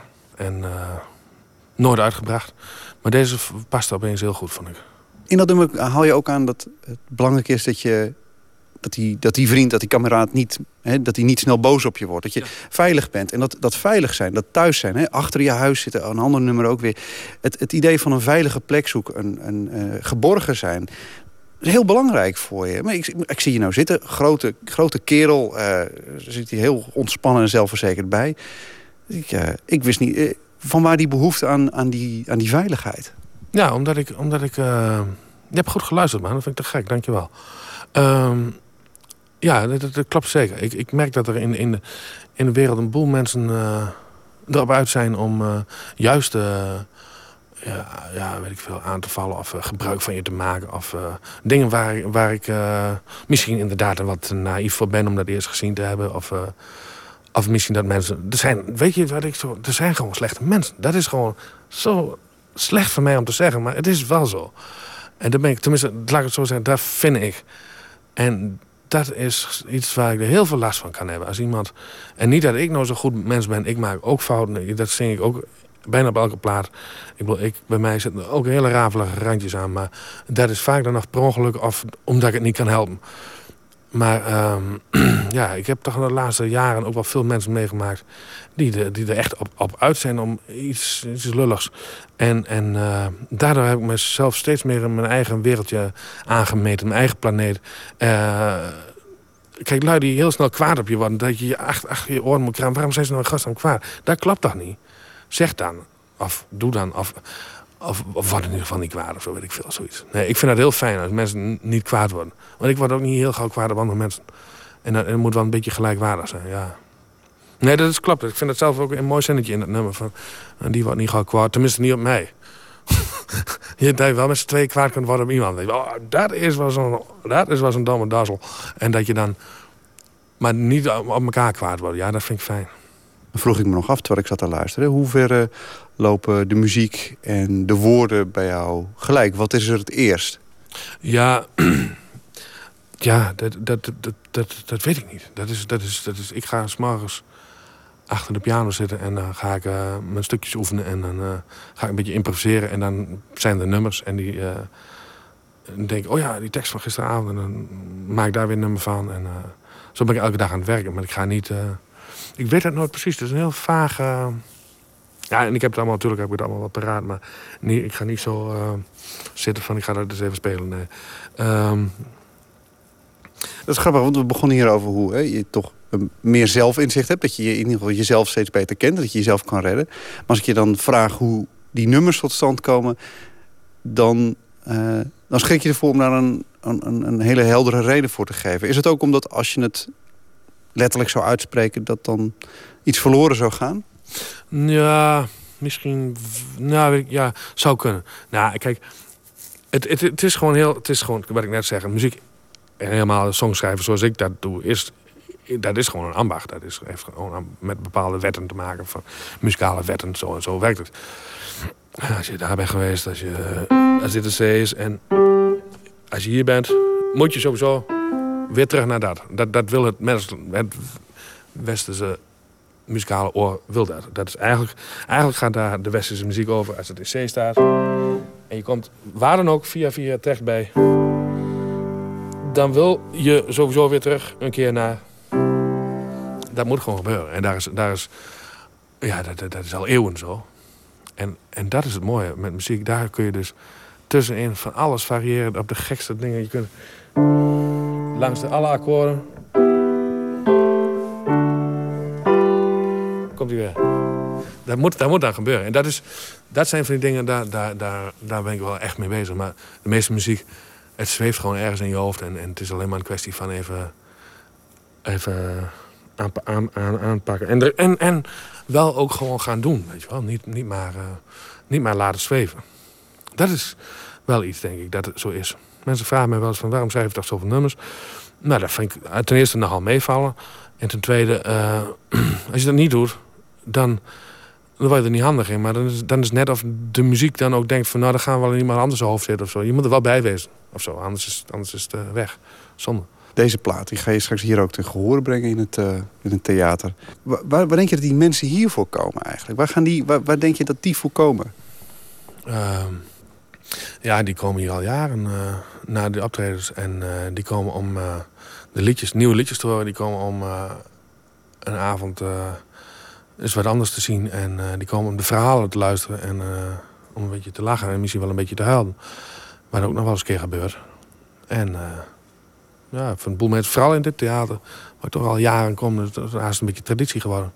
En morgenavond weer. En zo zijn de boel van die theaters. Het wordt echt, ja, de mensen, hier zitten ze elk jaar.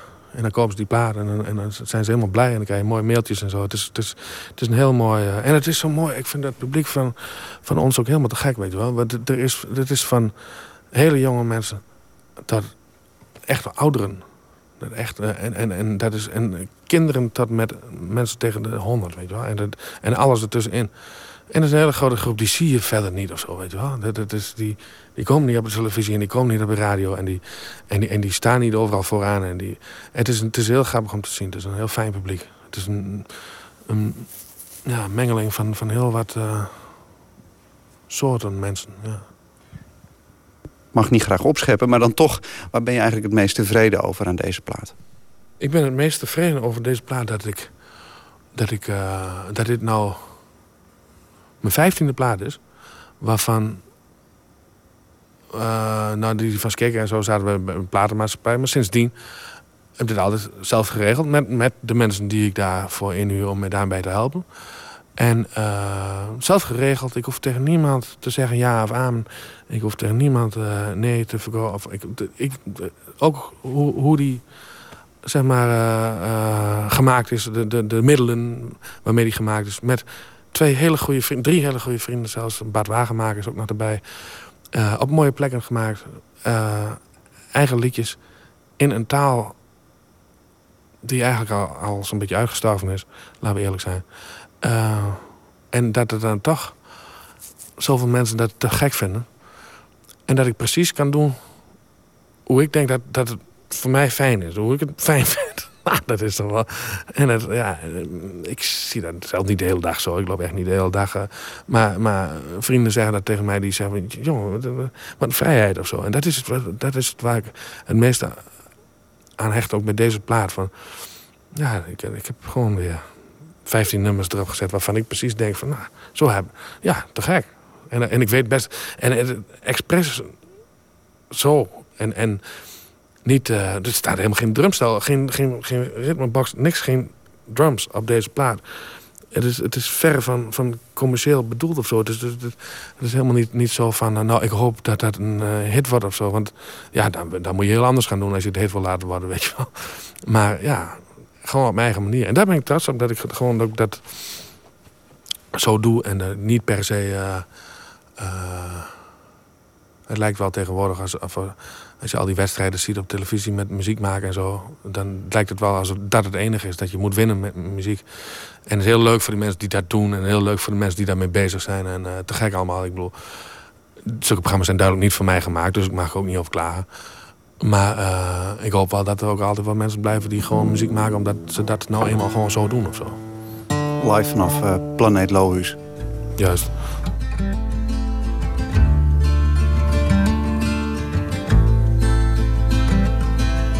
Trein, waar breng je mij heen?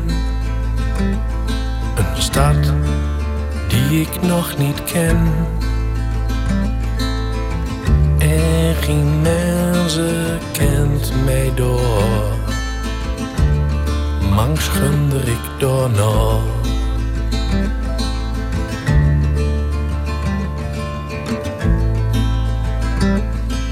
Flauw van alles en mij toe. Van lui die naar doen een hoek doe. Telefoon laat ik overgaan. Behalve ik zien naam zie staan. Want hé, hey, dat is mijn kameraad. Die wordt niet gauw kwaad. Tenminste niet op mij. En als ik met hem praat heb wat ik altijd wel in doe, dan is alles even goed. Dan is alles even goed.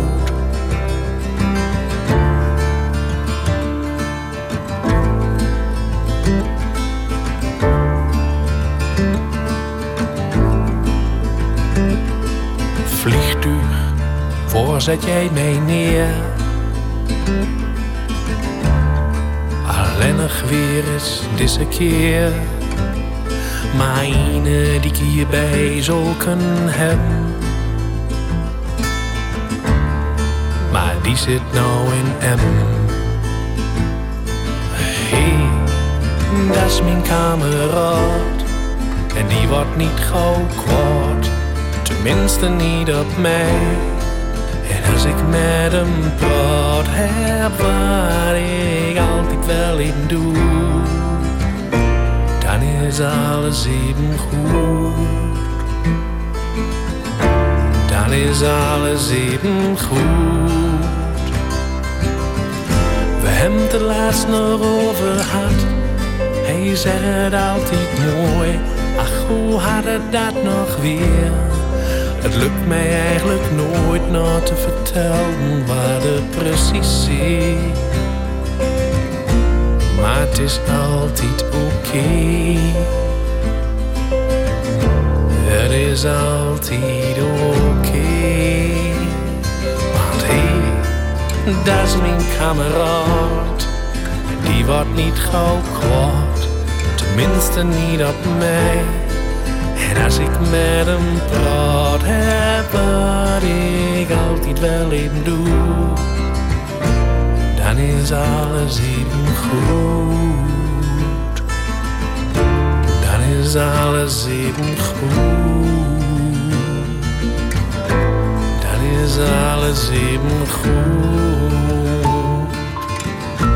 Dan is alles even goed. Is alles even goed. Dan is alles even goed. Dan is alles even goed. Dan is alles even goed.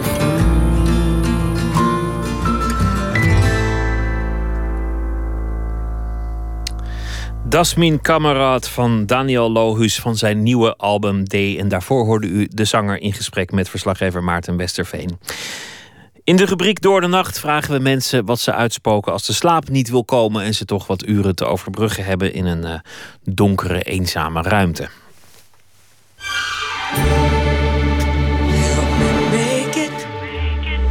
Through the night. En vannacht leggen we die vraag voor aan componist Merlijn Twaalfhoven. Ja, in de nacht komen zeer veel ongerealiseerde ideeën boven. Vooral de ideeën waar ik soms al jaren mee loop. Waar ik s'nachts ineens van het gevoel krijg dat het gebeuren moet. Dus de urgentie is ineens torenhoog van plannen, composities, eh, maar ook ideeën om, ja, eigenlijk om een veel leukere wereld te maken.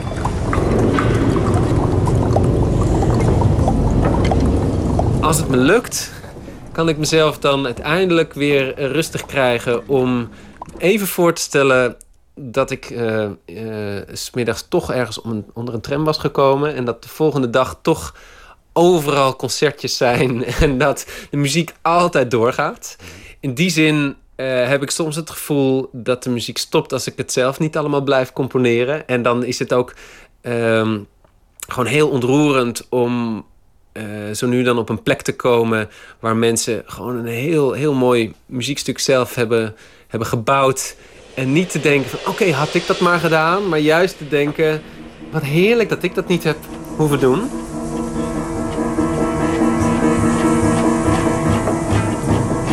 Zo was ik laatst eh, op de fiets naar eh Eiburg. En daar hadden honderden mensen een lied ingestudeerd. En het was gewoon zo grappig om ergens op een parkje in die hele grote nieuwe wijk honderden mensen tegen te komen die heel erg fanatiek een heel groot muziekstuk hadden gemaakt. Dat was door een jonge componist eh, ontworpen. Eh, kinderen deden mee, oude mensen, ervaren koren, maar ook mensen die nog nooit eerder hadden gezongen. En ik vond het heerlijk dat ik dat niet had gecomponeerd.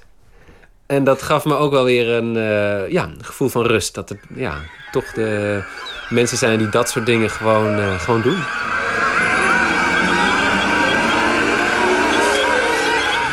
Ja, kijk, natuurlijk doet eh, een klein steentje in je schoen eh, kan je enorm afleiden. Terwijl de rest allemaal goed gaat. Dus het steentje in de schoen is soms dat ik het gevoel heb dat heel veel mensen, dat er een enorm orkest zit, dat er een prachtige concertzaal zit, dat er een hele zaal voor publiek is, dat er publiciteit is gemaakt, dat de radio er live bij is en dat ze vervolgens iets saais spelen. Dan denk ik, wat vreselijk, zoveel moeite en zoveel mensen zijn hier eh, samengekomen. En wat er klinkt, dat ken ik al. En dan voel ik een enorme onrust en denk, oh, jullie verdienen allemaal iets, iets, iets nieuws waarvan jullie naar huis gaan. En denk ik, nou, dat hebben we nou nog nooit gehoord. Dus natuurlijk kan me dat heel erg opwinden. En dan denk ik, oké, ik moet daarbij zijn. Ik moet met, die, met het orkest gaan praten. Ik moet met die concertzaal praten. Ik moet dat publiek wakker schudden. Ehm, totdat je merkt dat als je echt openstelt voor een, symfonie van Schubert, dat je daar ook iets heel nieuws in kan ervaren. En dat dat puur zit in hoe je er naar luistert. En natuurlijk ook dat je merkt dat het totaal buiten mijn macht ligt. En dat het ook heerlijk is dat Schubert het op zijn manier probeert. En dat er mensen in de zaal zitten die daar enorm door geraakt eh, raken. En dat er andere componisten bezig zijn. En dat die ook weer andere mensen ineens weer aanspreken. Ehm, maar ja, het blijft wel knagen. Want ik heb toch altijd in je, in je fantasie of in je gedachten is het toch altijd. Dan werkt het natuurlijk als een tierenlier wat je dan je voorstelt. Maar ja, om dat waar te maken, dat is gewoon een hele lange weg.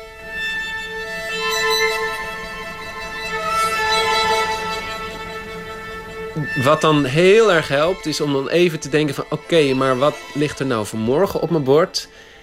En om even te denken van... ja, maar dit is toch eigenlijk heel waardevol. En laat ik dat eerst even gewoon heel goed gaan doen. En dan eh, maar wel vasthouden wat me uiteindelijk toch eh, nou, zo opwindt in die situatie. En gewoon ehm, eh, met dus de volgende stap die ik zet, toch wel in de gaten houden van ja, daar achter die horizon, daar ligt misschien toch ook die grote ambitie om eh, tot in een, eh, nou, een grote concertzaal eh, een soort van frisse wind eh, te blazen. Nou ja, in ieder geval, het kan alleen komen om dat wat ik morgen doe, in eerste instantie maar even te laten slagen. En niet nu eh, weer al die concrete dingen die nu eh, nou, gewoon ehm, in mijn agenda staan. Door, eh, als ik die laat verslappen, dan komt het in ieder geval nooit voor elkaar. Dus het geeft me ook wel weer dan motivatie om gewoon even ja, toch stap voor stap verder te gaan. En dan weet ik dat het een weg is die met zulke rare kronkels loopt soms... dat ik uiteindelijk op een hele andere plek eh, terechtkom dan ik kan voorspellen.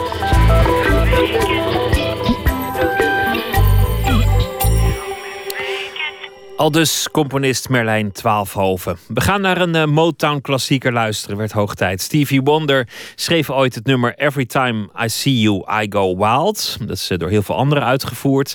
En we gaan luisteren naar de versie van J.J. Barnes.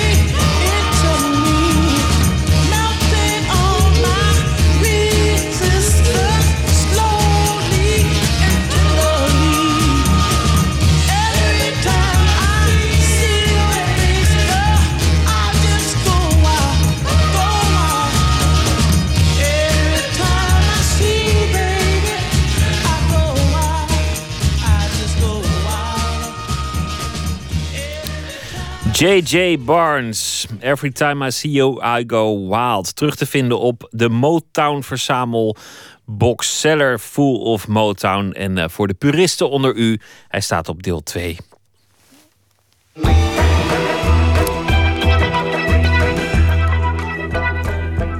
U luistert naar de VPRO op Radio 1. Het programma Nooit meer slapen. De druipende horloges van Salvador Dali of de zwevende mannetjes met bolhoeden van Magritte. Surrealistische schilderijen die u vast wel kent. Al was het maar van posters, placemats of kalenders. Het surrealisme. Het begon in 1926 met een manifest van de Franse dichter André Breton. We zijn helemaal niet zulke redelijke wezens als we denken, schreef hij. En onder de oppervlakte van de realiteit is nog zoveel meer aan de hand. Het manifest van Breton leidde tot een invloedrijke kunststroming waarvan Dali en Magritte de bekendste vertegenwoordigers zijn geworden. Het Centraal Museum in Utrecht laat in de grote tentoonstelling Surreële Werelden zien hoe invloedrijk het surrealisme tot op de dag van vandaag is gebleven. Verslaggever Emmy Colau spreekt met de samensteller van de tentoonstelling en met een jonge kunstenaar.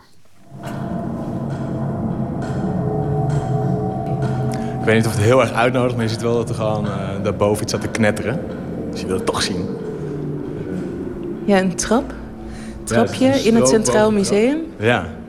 En daarboven is de, de installatie. En ik zie eh, hele helle lichtflitsen. Ja, spannend hè? Je hebt nu de hele tentoonstelling gehad. Je hebt heel veel mooie werken kunnen bekijken eh, van een afstand. En nu ga je hier de trap op en dan word je echt even ingezogen. En het is niet per se eh, lekker. Het is best wel een beetje unheimisch. Harde stroops op je. Een beetje eh, ja, een freaky sfeertje. is niet per se leuk, maar je wordt wel even gepakt. Maar ik kan niet wachten. Nou, laten we gaan.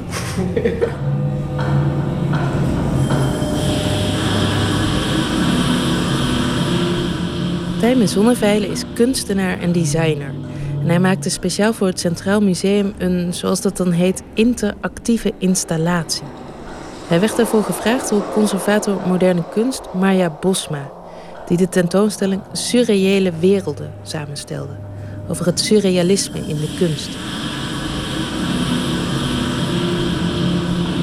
De hele wereld is eigenlijk eh, nogal eh, behoorlijk surreëel.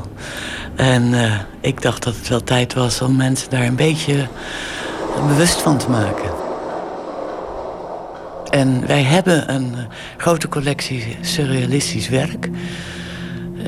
De oorsprong was surrealisme in Utrecht in de jaren 20, jaren 30. Maar je ziet ook in de hedendaagse kunst. eh, de hedendaagse kunst is eh, voornamelijk heeft een surreële inslag. Je raakt meteen een beetje gedesoriënteerd, hè? Ja. Ja, door... eh, er zijn een heleboel verschillende lichtbronnen eigenlijk. Waarvan twee eh, draaiend over een sleepcontact. Sorry, een sleepcontact? Ja, dat is eigenlijk dus, er draaien twee peertjes in, een, eh, in vogelkoortjes rond. En om ze rond te laten draaien heb je een sleepcontact nodig. Dat is technisch. Want anders dan eh, zou het snoeren in de war komen. Oh, ik snap het.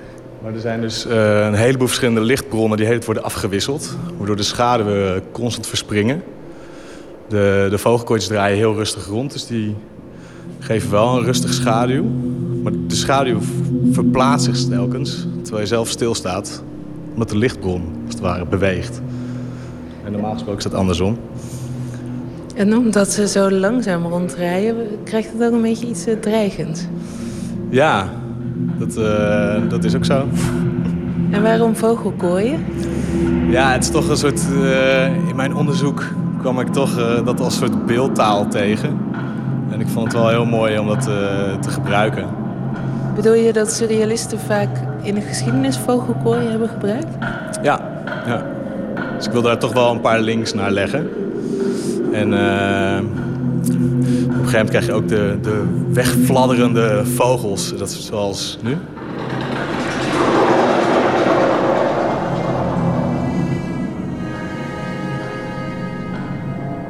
Misschien zijn we ons daar wel van bewust dat eh, er meer is dan wat je met je oog ziet. Ik bedoel, in de biologie eh, zijn er natuurlijk al die ontdekkingen dat je uit allemaal cellen bestaat eh, en allerlei dingen, elementen in je, in je leven, in je eigen lichaam die je gewoon helemaal niet kent. De, de wereld is gewoon niet, eigenlijk niet rechtlijnig. De wereld is helemaal niet zo gewoon als je om je heen kijkt. André Breton was een eh, assistent eh, tijdens de eh, Eerste Wereldoorlog in een ziekenhuis. En daar kwamen dus al die vreselijk getraumatiseerde mensen, met name de soldaten, ook aan. En die werden daar ook behandeld. Dus een beetje de voorloper van de psychiatrie. Breton heeft dat dus toch van behoorlijk dichtbij meegemaakt, die absurditeit van die oorlog. Die eh, men was ingegaan, internationaal, als de eerste oorlog die met rationele, puur technische middelen gevoerd zou worden.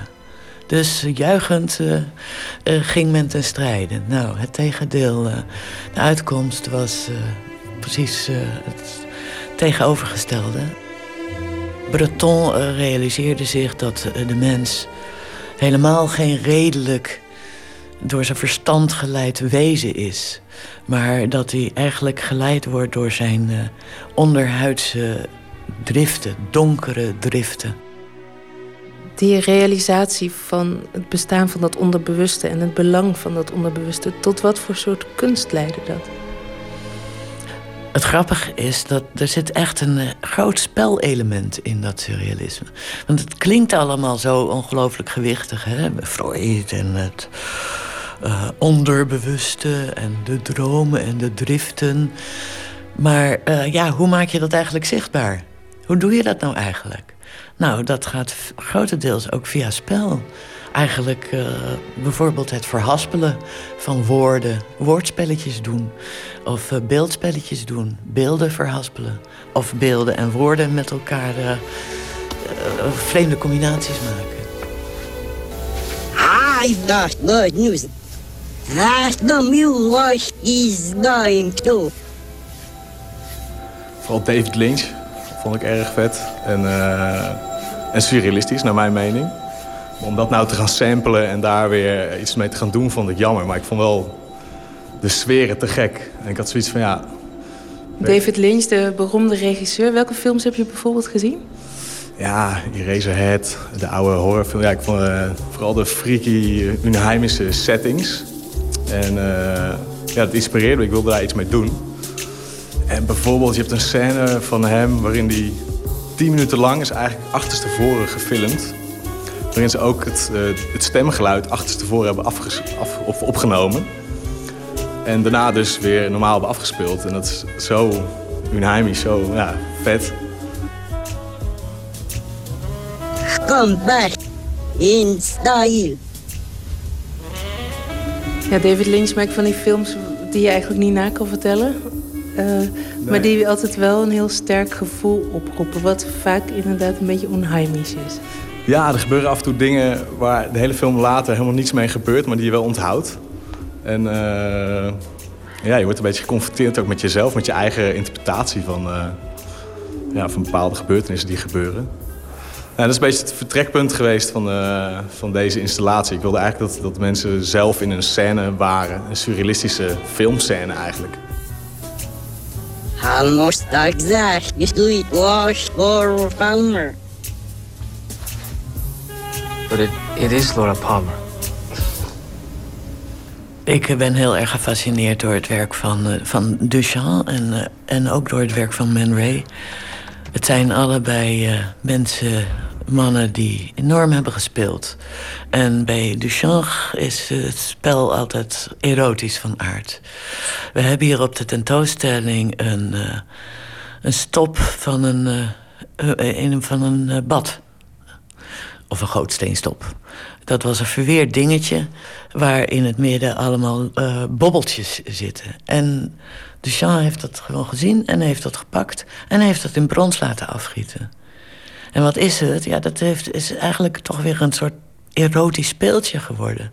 Want die bobbeltjes die doen eigenlijk een beetje denken aan de clitoris. En eh, wij... eh, ja, wij gingen eigenlijk, eh, de vormgevers en ik, met dat spelletje, hè, woord- en beeldspelletje mee. Dus we hebben het genoemd, genoemd een lief afvoerkutje. Soort quadrafonisch geluid. Zijn uit vier punten, eh, eh, uit vier speakers komt geluid, verschillende outputs. En daar gaan ook alle geluiden uit weg. Op alle vier de punten zitten echo's. Dus je, je activeert het geluid hier, maar uiteindelijk gaat hij naar de speaker in de hoek. En weer terug naar deze, dan weer terug naar de andere hoek. Het is een beetje moeilijk op de radio eh, over te laten komen. Ik weet niet of jullie Dolby eh, Surround hebben, maar het zou fantastisch zijn. Ja, want het geluid komt werkelijk bij van alle kanten. En als Ja. we verder lopen, dan komen er weer nieuwe geluiden bij. Ja. Ja, alle geluiden ja, die vegen eigenlijk uit naar alle hoeken en ketsen weer terug en komen dan weer terug naar het midden. Waardoor echt eh, ja, je een beetje uit elkaar getrokken wordt. En, eh, en ook de hele ruimte wordt gepakt. Dus het is niet nu hier, maar het gaat allemaal weg. Het is heel vreemd dat eh, in eh, dat Calvinistische Nederland toch nog een beetje dat surrealisme is doorgedrongen. Utrecht was een katholieke bisschopstad. En misschien had het daar wel mee te maken dat het toch een beetje in het geheim verscholen eh, hier het surrealisme aarde. Ook toeval, want er was een jonge kunstenaar neergestreken... die begon een kunstboekhandeltje. Die verkocht ook bijvoorbeeld eh, meubeltjes van Rietveld. Maar ook eh, kunsttijdschriften, internationale kunsttijdschriften. En dat, die kunsttijdschriften, die zijn dus bepalend geweest voor, die, voor een paar eh, jonge mensen in, in Utrecht. Moesman en eh, Van het Net eh, onder andere. Die zaten op een eh, tekenschooltje in de avonduren, want ze werkten allemaal. En eh, nou ja, Moesman zeker was eh, zeer begaafd. En eh, die zagen die plaatjes in die kunsten, die, die met name Belgische en Franse kunsttijdschriften. En die, nou, dat werkte echt als een bevrijding. Dat je zo met beelden, met plaatjes aan de gang kon gaan. Dat je daar ook je eigen, eh, met name ook seksuele, erotische verlangens... eh, een beetje verstopt en heimelijk eh, in, naar voren in kon proppen. Moesman heeft een paar prachtige schilderijen gemaakt... Die wij, waar we heel blij mee zijn dat we die uiteindelijk ook alle drie hebben kunnen verwerven. Dat is het werk, nou, Ontmoeting. Dat is een vrouw die helemaal eh, ligt. Waarbij je eigenlijk kijkt richting eh, naar haar kruis. En dan zijn haar benen zijn eigenlijk een soort van rare ja, bijna zeesterachtige tentakels. Kwalachtige tentakels, haar armen ook. Ze ligt dan eh, achterover. Het heet Ontmoeting. En de pendant is een, eh, juist een man. Maar het is alleen het onderstel van een man. Zijn de benen. En je ziet zijn eh, geslacht, pik. En het... eh, het eh, torso ontbreekt. Maar eh, op, op die benen bovenop, daar balanceert een paraplu met een slakkenhuisje erbo- erbovenop. Dat surrealisme ehm, en de surrealisten, kunstenaars die eigenlijk een werkelijkheid naast de reële werkelijkheid creëerden. Doe jij dat eigenlijk ook? Uiteindelijk wel, maar zij deed het vanuit een heel ander uitgangspunt dan ik, als het ware. Zij wilde echt wel tegen de wereld eh, ageren. En eh, weet je, de, de mooie werkelijkheid die werd geschetst voor jou, die was helemaal niet zo mooi. Dus zij wilde daar ja, mensen bewust van maken. Nou, ondertussen leven wij een hele andere tijd. Dus ik heb die behoefte niet, als het ware. Ik leef ook niet in die tijd. Er is niet zoveel om tegen te ageren. Nee, minder, nee. Niet, niet eh, waar zij op dat moment mee waren. Maar ik vind het wel heel erg te gek om mensen even te pakken en even een soort beleving te, te, te geven. En dan word je even aan, ja, aan het denken gezet van... Oké, wat is dit? Ik zag net mezelf, ik ben weer weg. Oh, een naar geluid. En nu eh komen ook nog hele harde flitsen en zo. Wat, wat is dit? Ik kan de trap niet goed zien. Nou, dan word je wel even bewust gemaakt van eh, dat je er bent. Surrealisme heeft zoveel invloed gehad. Je mag het niet ontheiligen dat surrealisme van Breton... eh, om het nog surrealisme te noemen, dus dan gaat het anders heten. Maar ja, het is eigenlijk allemaal één pot eh, surrealisme. Ik- Ik vind het zelf ook heel mooi, die leader van Dexter, eh, de tv-serie... waar je beelden ziet van dat iemand opstaat, zich scheert, zijn ontbijt maakt. Maar die beelden van het scheren, die gaan eigenlijk over en die suggereren dan iets heel gruwelijks. Dus dat er moorden worden gepleegd. Een ijsje wordt in de pan gesmeten. En eh, dan wordt het, de eidooier wordt met een mes rigoureus doorgesneden. Nou, dat is een letterlijk citaat natuurlijk aan Chien Andalou, eh, de film van eh, Buñuel met Dali...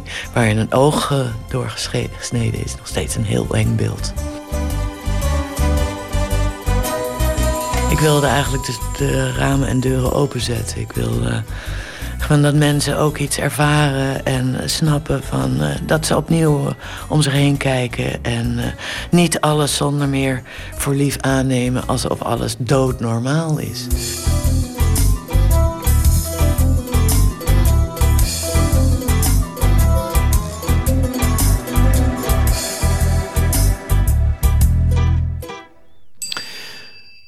De tentoonstelling Surreële Werelden is vanaf heden te zien in het Centraal Museum in Utrecht. U hoorde een bijdrage van verslaggever Emmy Colau.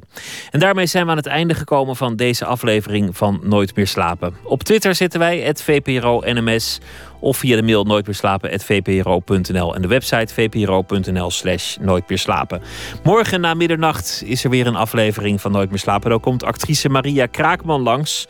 Zij is eh, overgestapt naar toneelgroep Amsterdam. En de komende weken is ze te zien in de theaterklassieker Who's Afraid of Virginia Woolf.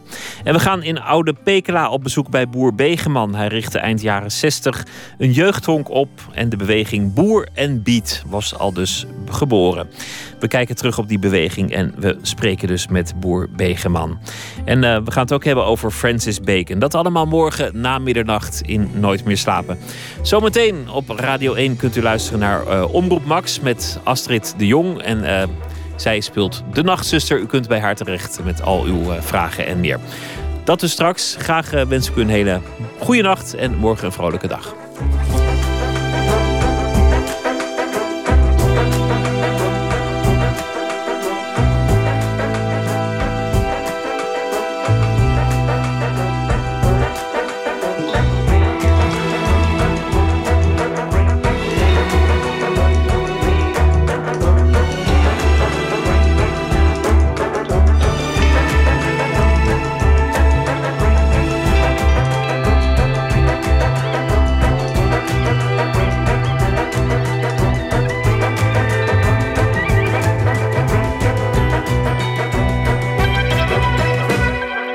Radio 1, het nieuws van alle kanten.